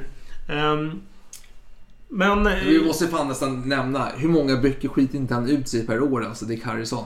Är det värre än Herman Lindqvist? Eh, ja, Innan Adam eh, bröt in här med sina spaningar så pratade jag om George Saville, markisen av Halifax, som Ja. skrev en bok eh, Råd till en dotter. Och det hävdar jag är den korrekta svenska översättningen. Skitsamma. 1688. Och då skrev han citat. Du kan älska dina barn utan att hela dagen sitta i deras kammare och det är möjligt att hava all omsorg för det som det nödvändigt behöva utan att vart ögonblick tala därom. Så det är väl lite mer eller mindre att eh, du kan älska dina barn men du behöver fan inte umgås med dem. De kan liksom... eh, de, de får klara sig liksom själva. Ja, ja, ja. Och jag tycker ändå att det här, det är hans tankar här får ju delvis stöd i modern tid. Eh, du har ju till exempel dansken eh, Bent Hogard som myntade uttrycket curlingföräldrar och servicebarn. eh, I sin bok från tidigt 2000-tal. Då menar Hogard att föräldrar genom att ständigt passa upp på barnet så att det får en friktionsfri uppväxt. Därmed eh, ger de negativa konsekvenser när barnet möter verkligheten. När de möter riktigt motstånd som de inte kan hantera för de har ju inte övat på det. Eh, Och då blir de väldigt respektlösa istället. Eh, Det var någonting som du var inne på lite grann där tidigare. Någon tidigare anekdot. Ja. Jag kommer inte ihåg vad. jag minns inte vilken. Nej, jag minns inte heller vilka. Jag hoppas att någon annan minns. Skitsamma. Nej, Hogard då. Har ett par anekdoter från sitt yrkesliv som jag tänkte det kan vara kul att nämna dem Ja, ja, ja. avsnittet. Kör, kör. Eh, Anekdoterna kommer från Svenska Dagbladets artikel benämnd Högt pris för friktionsfri barndom från den 12 januari 2004. Ja. Eh, Första anekdoten handlar om... Du behöver mer vin, förlåt. Ja, Fortsätt, fortsätt. jag har vin men jag Ja, behöver mer vin. Absolut. Eh, Bent... Bent... Hur fan... Det är konstigt namn. Bent. Bent. Vad säger man? Bent? Bent. Bent. Ja, dansk Bent. Han be, Bent besökte en förskola och på gården lekte barnen. Och bakom ett skjul så stod en pojke i femårsåldern och kastade sand i huvudet på några flickor. Och då bad Bent pojken att eh, sluta. Ja. Men fick svaret att eh, han minsann inte bestämmer här. Nej, nej, nej. Så någon har pinkat in ett revir helt enkelt. Eh, Bent tog då den här hinken och spaden och satte dem på skjulets tak och gick därifrån. Det var en tydlig markering som det, det är inte okej. Eh, och då började den här killen springa efter honom. Och skrika på danska då. Så att nu översätter jag till svenska. Ditt gamla rövhål! Du bestämmer inte över mig! Eh, och plötsligt stod den här pojken framför Bent då och bad att få sin hink. Ja. Och Bent gav honom den mot att pojken lovade att inte kasta sand igen. Och eh, pojken sparkade honom i rumpan och slängde ett par spadar sand i ansiktet på honom och upplyste honom om att du bestämmer inte över mig. Nej. Så eh, lärdom. Eh, det finns en ny typ av föräldrar i vår tid. Eh, eller vi kan vänta med lärdomarna. Vi kör den andra anekdoten först. Ja. Eh, Gör det, gör det. Kör på. Ja. Bent var då på besök hemma hos en mamma. För han var en slags psykolog. Eh, På något sätt så Ja, hade han eh, anledning att dels besöka förskolor och dels eh, föräldrar i hemmet. En tidig Jesper Juhl. Ja, precis. Jesper Juhl och han har ju debatterat där. Mm. Vet jag. Ja, men i alla fall. Tillsammans så spelade de Fia med knuff. Mm. Och plötsligt säger sonen Jag är törstig! Och Ben tänkte att mamman kunde svara kanske Ja men gå och hämta lite vatten. Eh, Istället så sa mamman Vad vill du ha? Då tänkte Bent Åh, fri bar. och då frågar sonen Vad har vi? Svarar mamman äppeljuice, apelsinjuice, fläderblomsaft, mjölk, chokladmjölk.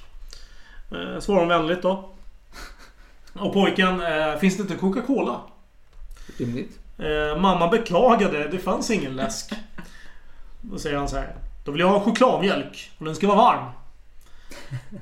Det tar lite tid om den ska vara varm, svarar mamman vänligt. Skynda dig! ropar sonen tillbaka.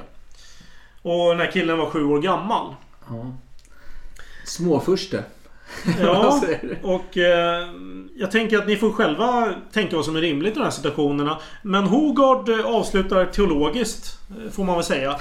Eh, när de små änglarna sen blir tonåringar har man bara att be till Gud att man ska kunna få dem att lyssna på en. Ja, pedagogiskt. Eh, Eller te- teologiskt. Teologiskt och möjligen pedagogiskt. Ja. Det känns som att du här har en åsikt om detta med tanke på dina tidigare åsikter om att eh, Badan, eller Badin då, var en misslyckad uppfostring och, och så vidare och så vidare och så vidare.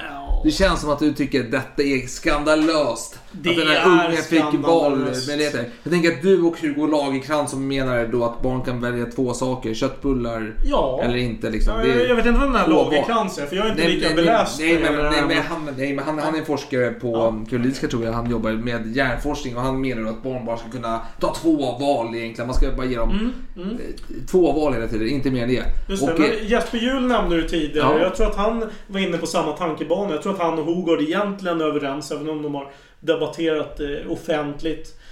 Just att eh, föräldrar måste uttrycka sin egen vilja och inte erbjuda bara en massa valfriheter till barnet. Ja. Utan de måste liksom säga att Jo. jag vill att du gör det här. Ja. Och, och så vidare. Jo, och eh, Lagerkrantz menar då att man ska egentligen ge barnen två alternativ. Liksom. Mm. Eh, det är det de klarar av, deras hjärnor. Ja. Men där om eh, tvistade lärde. Eh, Precis. men eh, har du något mer att säga om eh, föräldrar kontra barn? Eller för att gå tillbaka till 1400-talet, lite lagtexter. Snälla gör det. Gärna, gärna för mig, om jag konstapel vore som man. För att recitera eh, Släpp fångarna loss i vår.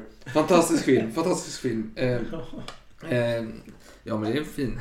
Med Gösta Ekman där som... Vi har ju hänvisat till den i någon Ja, det, tagline kanske i något Ja, avsnitt. ja, Minns men- inte riktigt vilket. ja, den är fin. Släpp fången löste i vår. Var Ja. människa i sin själ vill väl... Till, nej, var människa i sin själ till grunden vill så väl. Men aldrig, jag tror att det går, av sociala skäl. För att citera Bygge Sjöberg då som skrev den visan.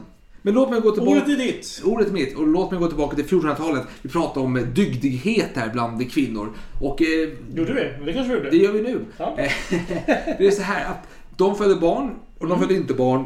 Och för de barn utanför äktenskapet. Mm. Lite slampigt tyckte man på den tiden. Ja, Och kanske. då fick man ett straff. Ja, alltså god, ogudfruktigt kanske jag skulle säga. Men då sa vi så här då, att det finns en, ett straff då från eh, borgmästaren och eh, råd. De säger så här att eh, då skall hon vara ledd med stadstjänare kring staden tre resor och böden ska gå före och leka i horn. Därmed skulle hon försvärja sig i staden och aldrig komma här igen utan hon blev laggift. Ord, vad så många ord där. Ja, men för, det är för så Sverige, vad fan innebär det? Och horna, vad, nu får du Horn. förklara här. Horn. Ja, horn. horn. horn. Ja, men alltså, så, Ja. så ska gå ett skamtåg runt staden tre gånger. Ledd med böden. Vi, Ja, vi vet, ja, vi vet alla hur skamlig böden är. Det vet vi. och han ska gå och blåsa ett horn längst fram. Leka med hornet då. Så han ska blåsa i hornet Ja. längst fram och eh, uppmärksamma all folks uppmärksamhet. Ja, ja, ja, ja. Okej, väcka Ja, uppmärksamhet. och därifrån ska hon bli förvisad från staden. Mm. Hon får aldrig återkomma om hon ej är lagligt gift. Okej. Så när hon gift sig med en Ja. eh, anständig pojk så får hon återvända till staden igen då. Jaha, okej. Eh, och sen fanns det flera fall eh, där man skulle, det hade ädla män och kvinnor som skulle kontrollera folk då. Om det blev, alltså barnamord, vi ska komma in på det strax. Men det var ett skamligt, skamligt, skamligt rykte. Ja, ja. Eller rykte, en anklagelse. Anklagelse, jag anklagar dig som, eh, vad fan var det som säger Vol- Voltaire som sa det? Eh, anklagar- nej det var ju Emile Zola. Men nej, vad, vad pratar du Ja, ja, ja, förlåt, det var Dreyfusaffären. Ja, det var precis. Ja. Förlåt, förlåt, förlåt. Det var Dreyfusaffären. Jag anklagar er. Och här anklagade folk varandra för ett eh, barnamord. Mm. Eller man ligga ihjäl sitt barn och så vidare. Att det vill säga att, att modern låg där och så råkade hon rulla över på när hon sov. Eh, ungen, ungen kvävdes ihjäl. Det var ändå ett ganska oskyldigt sätt att beskriva ett barnamord på. Ja, men det, kunde, det var saker som folk hävdade liksom skedde. Och eh, tänk på det här, plötsligt spädbarnsdöd var ju kanske ingenting man hade vetskap om på den här tiden. Och det skedde ju titt som tätt, även då som idag. Med tanke på att det ändå var en eh, 50-procentig chans nästan att barnet ändå dör i ung ålder. Så känns ju ändå som ganska riskfritt att eh, ha ihjäl sitt barn. Nej, det var inte det. För grejen är så här, är du gift? Ja, då är det mer riskfritt. För då är det så här att eh, var kvinna vill ju ta hand om sitt barn och älska och vårda sitt barn. Det är en grundbult här i bygget helt enkelt. Eh, Så om en kvinna som är gift och är anständig har gjort det och deras barn dött. Ja men troligtvis är det, och hon hävdar att men jag sov och så råkade jag rulla över på den. Och då tänker folk, ja men fan det är jobbigt att föda barn, det är jobbigt att ha skrikande barn. Och när man sover djupt, då kanske man råkar rulla över ungen och så dör ungen. Som jag bara för att sammanfatta här så i och med att du har ett eh, fast förhållande, trygg uppväxt på sätt och vis. Det är, då, då, då är det ju helt orimligt att ha ihjäl barnet. Det finns ingen motiv till att göra Precis, det. precis. Men precis. däremot om du är ensam, då är, finns det ju motiv och då Precis. finns det ju anledning att misstänka dig. Precis, vi återkommer till det strax. Mm, okej. Eh, Men, eh, och grejen är att när, när, när du blir anklagad för saker och ting, då fanns det vissa fall där man samlade in de här kvinnorna som var misstänkta för det. Och så fanns det ädla damer och herrar som skulle mjölka kvinnorna. Då skulle man ju pressa på brösten och se om det kom mjölk ur om de hade fött barn eller inte. Aha! Eh, Spännande! Det här är ju ändå ganska bra... Eh, jag ska säga, bra är väl... Nej men alltså det är ju ändå en... eh, Helt rätt tycker jag Alex. här. Eh, kri- kriminal, vad heter det? Kriminalteknisk utredning.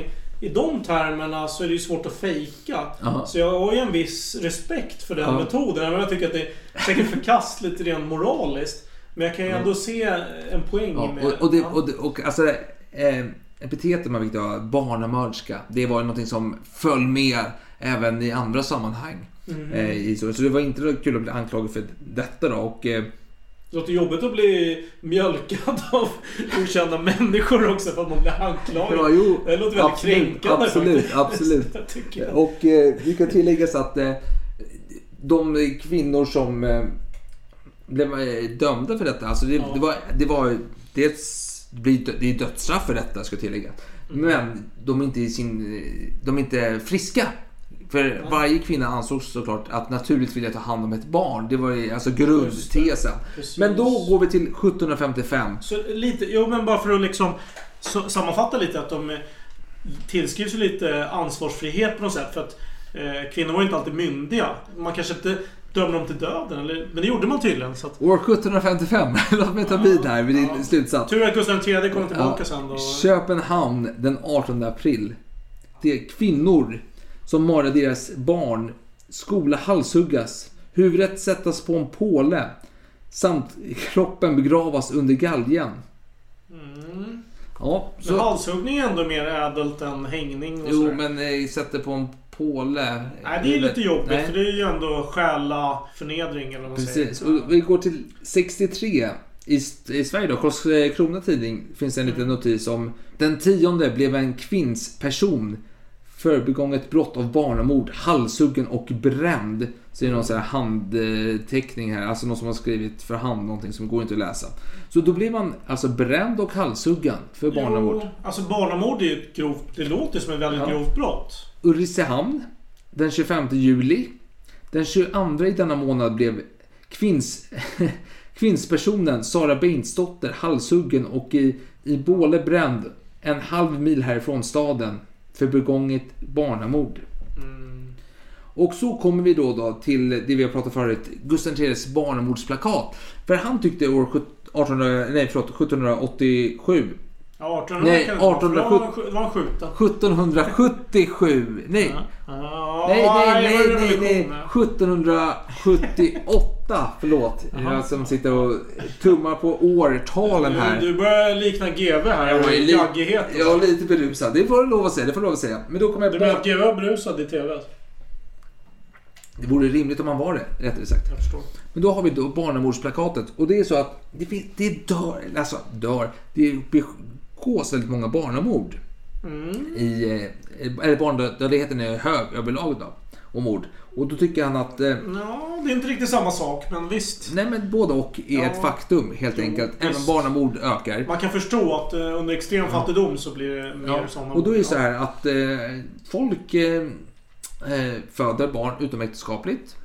Och eh, det är en skam. Du får, vi pratade om det i bödelavsnittet. När en kvinna får i kyrkan kyrkoplikt. Man får sitta på en liten... Eh, eh, vet Ja, Det är lönskaläge eller Ja. hor då, som de har begått. Så är det ju. precis. Så du blir utpekad och utvisad och skammen finns med där. Ja, visst. Så eh, Gustav III han vill dels ta bort eh, dödsstraffet för barnamord. Han tycker att eh, man kan skambelägga personer på annat sätt och bötfälla och fängelse och eh, straffarbete och så vidare. Och så vill han att man, för när man föder barn så är barnmorskans roll i att alltid fråga om fader. Och då kommer status fader okänd in i svenska historieböckerna helt plötsligt. Ja. För de får inte fråga om detta. Och han tvingar igenom detta mer eller mindre. De får inte fråga... De, eller vad, vad... Nej precis, de får inte säga så här att eh, vem är fadern? Nej, men... För, för, för, för, för det är så här att Ja. om, om, om du är gravid och du har ett eh, oäkta barn. Ja, Eh, då kan du åka till en annan stad. Ut, eh, föda ungen. ja. När du föder ungen så kommer ingen fråga en fråga. De frågar bara, vad heter du? Jo, men, men jag tänker, kan, kan inte det ställa till lite grann?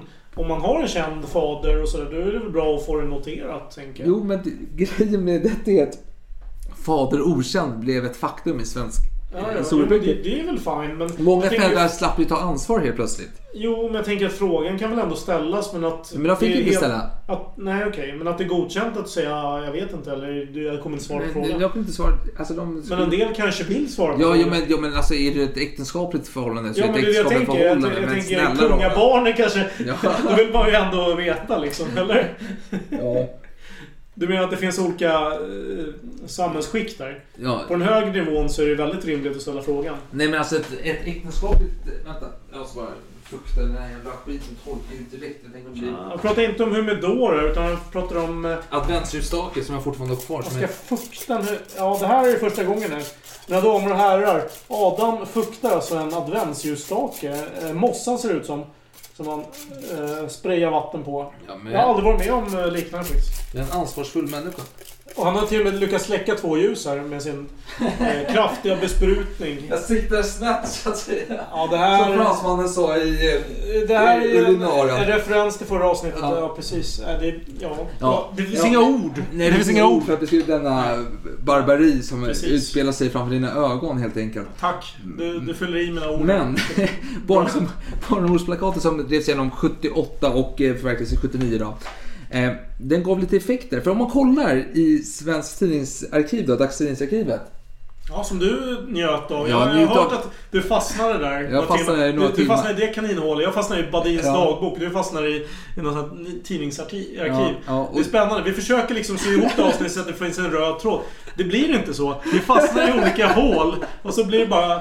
Precis. Nej, jag ska inte använda negativa ord här, men det, blir- det blir vad det blir helt enkelt. Helt enkelt. Snälla, helt fortsätt. enkelt, helt enkelt. Och då söker jag på barnamord. Mm. Och då, då börjar man få resultat från 1700-talet. Och då kan jag tänka att eh, man kanske använde andra uttryck tidigare. Infanticid eller Ja. barnadråp möjligen. Ja, precis, och precis. Men barnamord då? Och då kommer... Det är någon enstaka artikel som jag nämnde tidigare, 1755 i Danmark, Ulricehamn och så vidare. Och sen händer någonting här att eh, år 1786 så blir det flera träffar på ordet barnamord helt enkelt. Jag vill tillägga så att arkivet, sökfunktionen är lite tvivelaktig. Den tolkar, läser in ord lite si och sådär. Så vi säger, va?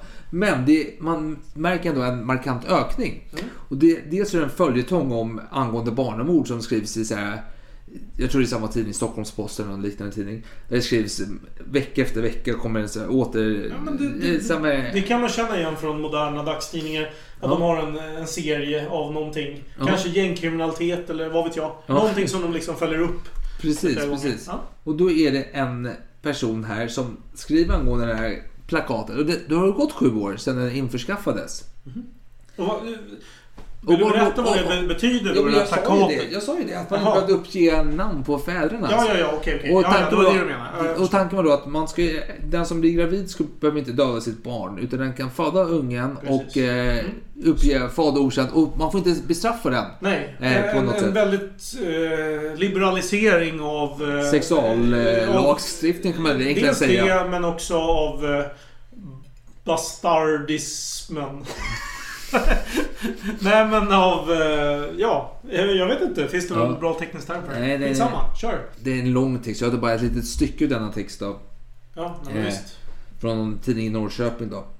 Man kunde väl av denna författning, alltså barnamordsplakatet, föreställt sig att på gator och vägar framdeles få se en myckenhet fattiga kvinnor gå och släpa sina utmärgade foster kring landet. Till dess det slutligen skulle förgås av hunger och elände.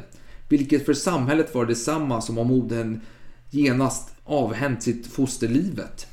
Utgången visar likväl nu, blott efter sju års erfarenhet, att denna sannolikhet alldeles icke varit sanning, utan ett misstag av våra följder. Det vill säga att den här barnmordsplakatet skulle minska barnamord. Ja. Men följden har blivit att det har ökat. Jaha. Eh, helt enkelt. Och vad är förklaringen till det? Det är en bra fråga. Men, men var det inte så att kungen i och med han utåt sett legitimiserade detta så ökade barnalstrandet Ja, helt men- ja, enkelt? men grejen var så här att du kunde föda. Det här insändarens i klagomål då är att det, det är ingen eh, förbättring i den- denna fråga. Men det kan man ju inte veta eh, då. Nej, nej, men han Ja. menar sju år senare så är det fortfarande högt barnamordsantal i riket. Ja, ja. Och sen menar han ju också att... eh, Vad, gjorde Gustav III av det? vä- vänta, så menar han att eh, istället för att ta livet av barnen direkt Mm. så går man runt och släpper på Ja, eh, hungrande ja, som dör. Och det, och det är vad är skillnaden? det är ju det är ingen stor skillnad, nej. Precis, och det är här med folk börjar lämna barn, spädbarn utanför dörren till barnahusen. Ja, precis. Eh, för att ta hand om dem. det förstår man. Jo, men man har ju, Eh, det förstår man. Men skitsamma. Det blir en skillnad. Och om vi pratar om barnamord. Men en, en negativ skillnad, eller? vad- Alltså det var ingen Ja, bra med liberalisering av eh, barnamords... Alltså, det beror på hur du ser på det hela. Liberaliseringen som vi lever i idag med att det inte är en skam att föda barn eh, utanför äktenskapet. Det är väl positivt. Ja. Eh, om du är lagd åt det hållet. Eh, om du är en modern människa. Ja, är, du, ja, ja. är, är du konservativ, Leonard Räv till exempel, då kanske du tycker att det är hemskt. Alltså det finns flera aspekter på detta. Dels kan man säga så att fädrar, de behöver inte ta ansvar för sina barn längre. När man pratade om detta tidigare så var prästerskapet emot det för de menade då att man måste vara hårdare. Man måste ha hårdare bestraffning för de som eh, föder utomäktenskapligt och de som tänker tanken de ska straffas Ja, hårt. Eh, Vi ska skrämma dem ännu mer. Mm. Och eh, Gustav III ville ta bort dödsstraffet. Man lyckades inte ta bort dödsstraffet för det där och då. Men det blev en kompromiss där. Trots att han var allsmäktig. Eh, Han var inte alls mäktig 78. Nej, Eh. 79. Prästerskapet tyckte att man skulle bestraffa hårdare och eh, kungen tyckte att man skulle vara mildare. Och det som blev var att fader är okänd. Så fäderna slapp betala underhållet och ansvar för sina barn. Och eh, enligt den här eh, artikelskapen så Var minskar... det positivt då? Att de inte kunde ta ansvar för... Nej, det var väl inte positivt. Däremot så eh, Ja. måste barnen och mödrarna måste ju eh, föda utomsocknes. De måste ju... Eh, Just det, de var tvungna att ge sig Ja, av. och det var ju få som hade råd med det. Och när Ja. man hade råd med det så hade man svältande barn på sin sida som man skulle ta Det hand om. låter ju som elände helt enkelt. Precis. Men om man kollar på just barnamord. Mm, mm. Eh, det är ganska skralt i svenska tidningar, om vi ska få ta det som ett riktmärke helt enkelt. Men 1889 till 1891 så blir det fler artiklar kring barnamord. Och det är ungefär 1000 till 1-3 artiklar per år. Men 1892 så är det rekord. 1700 artiklar om barnamord. Kom, ja. Och det är oftast eh, små notiser kring det. Så en notis då från Stockholms läns tidning från eh, 1889. Då står det så här. Sexdubbelt barnamord. En kvinna av god familj och i god ställning har blivit häktad i Libes i Ungern för att hon mördat sex av sina barn. Den häktade är en änka vid namn Sofie von Mesko. Hon har mördat barnen dels med slag och dels genom att giva dem gift. Intet föreligger ännu om motiven till den gräsliga handlingen. Och eh, när man läser mer så här små notiser, det är lite roligt, så är det så här, följande notis då. Eiffeltornets topp blev den 23 oktober på kvällen påflugen av en stor flock lärkor. Nederlaget bland dessa var så stort att ej mindre än tusen stycken satte livet till. Va? Det är ganska intressant Alltså nederlaget? Ja, men alltså, nu får du förklara. Tusen lärkor fick sätta livet till för att de flög in i Eiffeltornet. Ja, men hur gick det till? Varför, varför dog de av det? De siktade fel. De, de körde, åkte in i torn och dog? Ja. Okej, spännande. Men det, Sen- det, det, det, det, det är en notis som ger sug. Ja, visst. Absolut. Men eh, intressant ändå att du kommer in på det här med barnamord och sent 1890-tal. Alltså det var ju ändå den perioden då det var som kanske mest immigration till, mot eh, Amerika. Ja. Just att det var stor Fattigdom. fattigdom i Sverige. Det, det finns väldigt många goda skäl till att just den typen av brott ökade. Det var ju stor misär i Sverige. Ja, ja. Det är ju änglamakerskor och så vidare Ja, men som var exakt, eh, exakt. trendade på sociala Ja, så det medier. kanske om man inte bara var Jack the Ripper. Det var, det var liksom våld överlag ökade i Europa. Det skakade Europa, dess grundvalar. Precis. Och sen För att citera Håll Hans med. Holmér. Eh, För att parafrasera. Men låt mig gå till en annan karaktär i form av en ko. Eh, för jag, jag bara fastnar i de här små notiserna när jag läser. Alltså tyvärr. Du känner tjuren Ferdinand här i Jo men alltså när, när jag fastnar i... Du vill prata om kor? Ja, när jag fastnar i de här nyhetsarkiven. Ja, precis. Det Då är är- ett kaninhålar som Ja, fastnar då är det inte kanske om barn jag fastnar om mest. utan Jag fastnar om andra små notiser som man läser I och uppskattar. periferin där som du Precis, ser. precis. Ja, men det är anslutning. Jag tycker att vi eh, i egenskap av berusad podd tar oss rättigheten att faktiskt eh, ta lite sidospår. Så att jag, jag absolut, kör. Jag vill faktiskt hävda att vi är nog den enda podden i världen som berättar om denna historia. Ja, stora ord. Stora Får se, får se om historien är värd de här stora orden. tänker jag. Okej, lyssna på denna. En ko som räddare. För någon tid sedan blev en ung kvinna och gården Lund i Spydebergs socken ute på fältet angripen av en argsint oxe som genast började bearbeta henne med sina horn. En ko fick emellertid se detta och sprang ögonblickligen dit och började i sin ordning stånga oxen så att denne måste giva sig undan. Hon stannade sedan kvar och vaktade flickan tills hjälp och brakte den skadade i säkerhet. Oj, vilken eh, Ja men det är... Det hjälteaktig Ko. ko alltså. Det här, det, vad heter den här fantastiska ko? Det vet vi inte. Förtälj inte historien. Nej, det, det är Men vi, eh, vi hyllar kon för Vi hyllar- heroiska insatser. Måste Ja, men inte en fantastisk historia? Jo, Sånt absolut. du inte hade hört om du inte lyssnar på denna podd Ja, jag enkelt. vill, ha det här, jag vill läsa om det här i dagens dagstidning. Varför får jag inte läsa om det? Och får jag bara ta till lite notis här som jag tycker är trevligt. Från Danmark. Från Danmark. Lyssna här. Exotiskt. Ja, väldigt, väldigt exotiskt. Dömd för poststöld. En posttjänsteman Hansen från Ullerslev, förutrekryt vid den Odense förlagda 26 bataljonen, har genom krigsrättens dom, som blivit stadsfäst av konungen, ådömts ett års tukthusarbete för poststöld. Krigsrätt sa du. Vilket år var detta? 1890. Men inte det häftigt ändå? Var det ens krig alltså? Nej men man måste... Men, men, kanske. Ett år tukthusarbete för poststöld, inte det här... Jag tycker, det, jag tycker det är överord att använda ordet krig när det inte är krig. För det var väl inget krig då? Men han var ju dekryt. Han var ju dekryt. Han var ju militär för guds skull. Nej, det har inte varit krig där i Danmark för länge. nej, jag, jag vet inte. Jag, jag, jag är mer ambivalent inställd mot den Vadå, men det är, han, han är ändå en eh, militär. Ja, jo, men jag vet inte. Jag, jag, krigsrätt. Fredsrätt. Varför kan man inte använda ordet fredsrätt? Då så, då har jag själva huvudhistorien som alla dessa små Mm. anekdoter dansar vals kring då. Jaha, ja, du har en, en eh, point här. Jag har en point. Det- Tro det eller ej, tro det eller ej. En Men det finns det. Det finns en med- poäng här. Svenskt. Massmordet och barn i Köpenhamn. Om denna ohyggliga historia, vilken i förra numret i korthet omnämndes, meddelar Politiken följande. Polisundersökningarna har fört till det mest upprörande resultat. En tjänstepiga har erkänt att hon tjänat hos Madame Rasmussen och dennes syster då de bodde vid Elbagatan och Vässlegatan. Då de bodde vid denna senare gata hade de flera barn i sin vård, av vilken åtskilliga dog plötsligt och utan någon begravning ägde rum. De små liken hade bortskaffats hastigt och på ett för pigan oförklarligt sätt. Hon mindes blott att ett enda barn blivit sedvanligt sett begravet och detta väckte hos henne den tanken i hur hon skytt och uttalat den att hon levde i ett slakteri. I januari detta år kom hon ånyo i tjänst hos de bägge systrarna som hade sex à sju barn att vårda. De flesta späda. De dog alla efterhand och nya späda barn intog de arma offrens plats. Hon ansåg att ensamt under det omtalade halvåret gått och väl ett halvt dussin barn dött. Alla en hastig död, medan pigan för någon kort stund varit frånvarande. Särskilt erinrade hon sig ett tillfälle då hon nyss lekt med ett litet leende kärnfrisk gosse. Då om hon några ögonblick kom tillbaka av den gråtande fostermodern uppgavs vara död. Och vara död också. Liket låg kvar en dag och försvann därefter. Sedan polisen undersökte Madame Rasmussens bostadslägenhet där blott en massa brev hittades. Men dessa från män av både högre och lägre samhällsklasser samt svårt komprometterande fick man även i tvättrummet i bakgårdens källarvåning.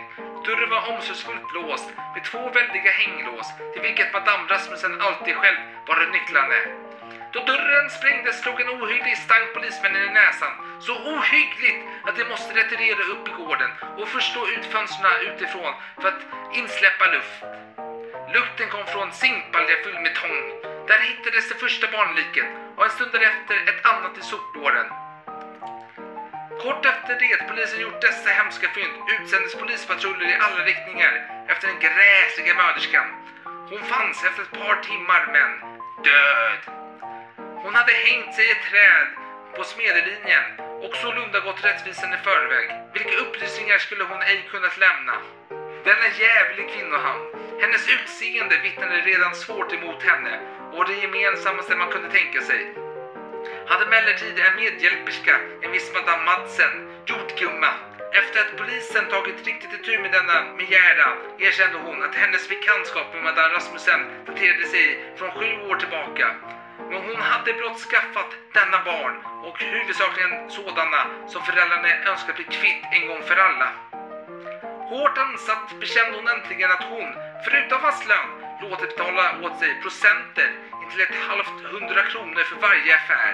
Men den vinst hon betingat sig vore dock ganska blygsam då man betänker att fostermodern bekommit ända till 500 kronor en gång för alla för ett enda barn. Hon hade alls icke funnit det besynnerligt att så många barn doge, men ingen kände att fostermodern gång på gång hänvänt sig till henne och meddelat att nu har det ett nytt gått alldervärldens väg och begärde ett annat mot sedvanligt honorar. Men Madame Rasmussen var alltid ordentligt med betalningen. Jordgumman kunde dock icke erinra sig hur många plejebjörn hon under årens lopp skaffat, eller hur många som gått all världens väg. Vad beträffade kvinnor som avvaktade sin nedkomst och födde hos madam Rasmussen, så syntes dessa ha tillhört alla stånd. Somliga av dem mottog ofta, enligt vad grannarna lagt märke till, besök av eleganta herrar under sin sjukdom. Läkaren tillkallades stundom och en lärvskramhandlare i kvarteret har till och med uppgivit namnet på en av dem. Alla grannarna visste att madame Rasmusson levde av sin praktik som fostermoder och förundrade sig över att så många barn kunde leva hos henne. Det såg aldrig någon föras bort eller begravas. Ja, nej, alltså jag måste framföra mina mest bestämda eh, förebråelser mot uttalet av ånyo. Det är bedrövligt, rent ut sagt. Men eh, jaha, det var en madam som eh, blev anklagad. Jag, jag, jag, jag, jag beklagar. Alltså, jag, Över ljudet helt enkelt i den här inspelningen. Ja. Nej, nej men, eh, nej, men det är intressant i den här historien. Det är inte att barn dör. Jo, men dels är det att barn dör. Ja. Men dels är det också att vikten av begravning, en kristen begravning, Ja. det är det som väcker uppmärksamhet hos Just grannar. Ja, ja, men det har ju alltid varit viktigt. Det vet Ja. vi ju att man ska begravas nära kyrkan och så vidare. Man ska inte begravas i gallbacken, det är det värsta. Ja, Ja, nej, men jag förstår absolut. Ehm, fruktansvärt detta med brott. Eh, Ja, absolut. Jag tänker att eh, relaterat till det här med bestraffning och barnamord och allt för Fan, är det inte dags att då barnen tar lite ansvar, tänker jag? Och dödar. Nej, jag tänker att vi, vi börjar med kanske man ska aga barnen. Ja, jo, det När är de inte beter sig korrekt så här. Det är väl rimligt, Eh, det Enligt Anders Nordell, ja, cirkus 1809, så skulle barn agas med ris eh, när de var mellan 1 till 3 år. Ja. Om de skrek av ilska, eller om de stampade, eller om de grinade för att de inte fick som de ville. Ja. Ja. Eh, och modern var ovillig att aga. För det kan ju hända att man, man känner kanske att det är fel att, att, att slå barnen. Ja. Ja, men då, då skulle hon absolut inte hindra mannen, alltså pappan då, från, Nej, att, från nej, att nej, göra jobbet. För det behöver göra, oj, det behöver göras. Jag på att aga flaskglaset här. på att falla. Det är Eh, ett gott exempel. Ja. Ja, precis. Nej, men, men efter 3 till 4 år, då tycker jag även eh, Nordell att det är inte läge att aga. Utan då ska man tala barnen till rätta med allvarlig ton. För då är de eh, lyhörda på det sättet. Får får bara tillägga här. Det finns i lagarna att eh, agning som går överstyr ska bestraffas. Mm. Och det, det finns en, en dom, kommer ihåg vad personen hette, men skitsamma. Eh, han agar, han spör på sin unge ganska rejält och han saknar eh, eh, medlidande, förståelse för Empati barnet. för barnet. Empati helt enkelt. Och eh, han beter sig okristligt och tyranniskt i sin. Okristeligt och tyranniskt. Så han, han råkar ju döda barnet då när han agar. Oj, det, då har det verkligen spårat ur. Jag Han, känner han här dömde att, sig till döden då, förvisso. jag, jag känner ju här att det behövs ju lagar om de går ut... Eh, alltså om det spårar ur så här hårt. Ja, ja, ja. ja. Alltså jag tänker agning, det är väl, inte, det är väl lite smisk liksom. Det är inte Ja. strypa barnet eller slå... Beror på, vem, Ja. beror på vem- du frågar. Det är, en- Precis. det är en gråzon som Det var där. kanske det som var problemet då. Det var för otydligt. Han dömde sig till döden. Vad Ja, jag men det var väl minns. bra. Så det är inte så otydligt för honom. Nej men det var ju fint. Så att eh, det med agning. eh, Vissa kände ett behov av att aga barnen. Kanske var det att barn kunde förtjäna. Jag vet inte. Ska vi, ska vi gå till botten med det här? nej, men, men, om vi säger så här. Barn, eh, det framgår i Bibeln att man har rätt att uppfostra barn med hjälp av agning för att hålla dem i styr helt enkelt. Eh, och det, skolagning försvinner på 50-talet. Eh, barnagning i hem försvinner på 70-talet i Sverige. Men skit i Eller föräldrar... försvinner, det blir olagligt. Olagligt. Skit i föräldrar som spär på barn. Ja. Gå, låt oss gå till det. viktiga. Ja. Barn som Onda skadar barn. Ja men då har jag ett exempel från 60-talet. Fast det är en flicka som heter Mary Bell. Eh, Hon levde bredvid en granne som också hette Bell men de var inte släkt på något sätt. Och de var... Eller hon, Mary var eh, runt 10 år gammal. Och... Eh, ja, vi ska inte prata om hennes uppväxt så mycket utan mer vad hon gjorde. Hon eh, började nämligen ta strypgrepp om barn. Och det, det var så illa så att eh, polisen kunde dyka upp och säga åt henne att det här var ingen bra idé. Så hon slutade med det. Men någon gång så spårade det ur. Det var nämligen så att en pojke dödades. Shit Och- happens. När polisen sen dök upp eh, så noterade de henne men inte mer än så. Eh, och efter mordet så sökte Mary Bell upp offrets moster. Och eh, ställde okänsliga frågor som Saknar du honom? Gråter du för honom? Och det här kanske är rimliga frågor, men det som är lite creepy här det är att de log, eller hon log, när hon ställde frågan. Hon hade ju en kompis med sig som också Ja, log, ja, så det var ju ja, någon slags par där. Någon radarpar på något sätt. Eh, Sen hade hon knackat på hos offrets mamma och frågat om hon fick se sonen. Och då hade mamman sagt så här, nej det är inte möjligt för pojken är ju död. Och då svarade Mary Ja, jo, jag vet att han är död och jag vill se honom i sin kista. Och så log hon medan hon ställde den frågan. Och mamma hade slagit igen dörren framför henne. Eh, Så på det spåret är det. Hon var ju mycket riktigt skyldig då till det här eh, mordet. Hon hade ju strypt den här pojken. Som var några år yngre då. Jag tror ja, tre, fyra år var, hon, var väl mm, offret. Eh, och då tänker man, oj vilket hemskt barn. Alltså är det här någonting som... Är det naturligt då bara för barn att begå mord? Eh, jag tänkte så här, om det här kan vara ett jätteintressant fall tänkte jag. Ja. Men tyvärr så... Eller tyvärr. Jag, jag kunde konstatera att eh, hennes uppfostran var ju inte idealisk. Nej. Eh, dels så var hennes eh, mamma prostituerad och hennes pappa var grovt alkoholiserad. Ja. Och eh, mamman hade ju förutom att eh, tvinga henne att se på medan hon eh, sålde sin kropp då till kunder så hade hon även tvingat eh, flickan själv då att delta då, på Okej, olika sätt. ja. Så det var väldigt mörkt på det sättet. Så då Ja. kände jag så här. Nej, det finns ju inte mycket att gräva i här. Det, det, Nej, är, liksom, nej. det är därför hon eh, blev som hon blev. Ja. Men jag tycker ändå att det är ett intressant case ändå. Att det, det här visar eh, hur barn kan bete sig men det finns ju oftast kanske en förklaring till det. Så att jag har inget svar på den frågan. Åkte hon fast för brottet eller? Ja men det gjorde hon. Hon blev... eh, Hon åkte fast. Eh, Hon fick... Minns jag inte men kanske 20 år eller något sånt där. Ja. Kanske mindre faktiskt. Eh, Sen fick hon en ny identitet också.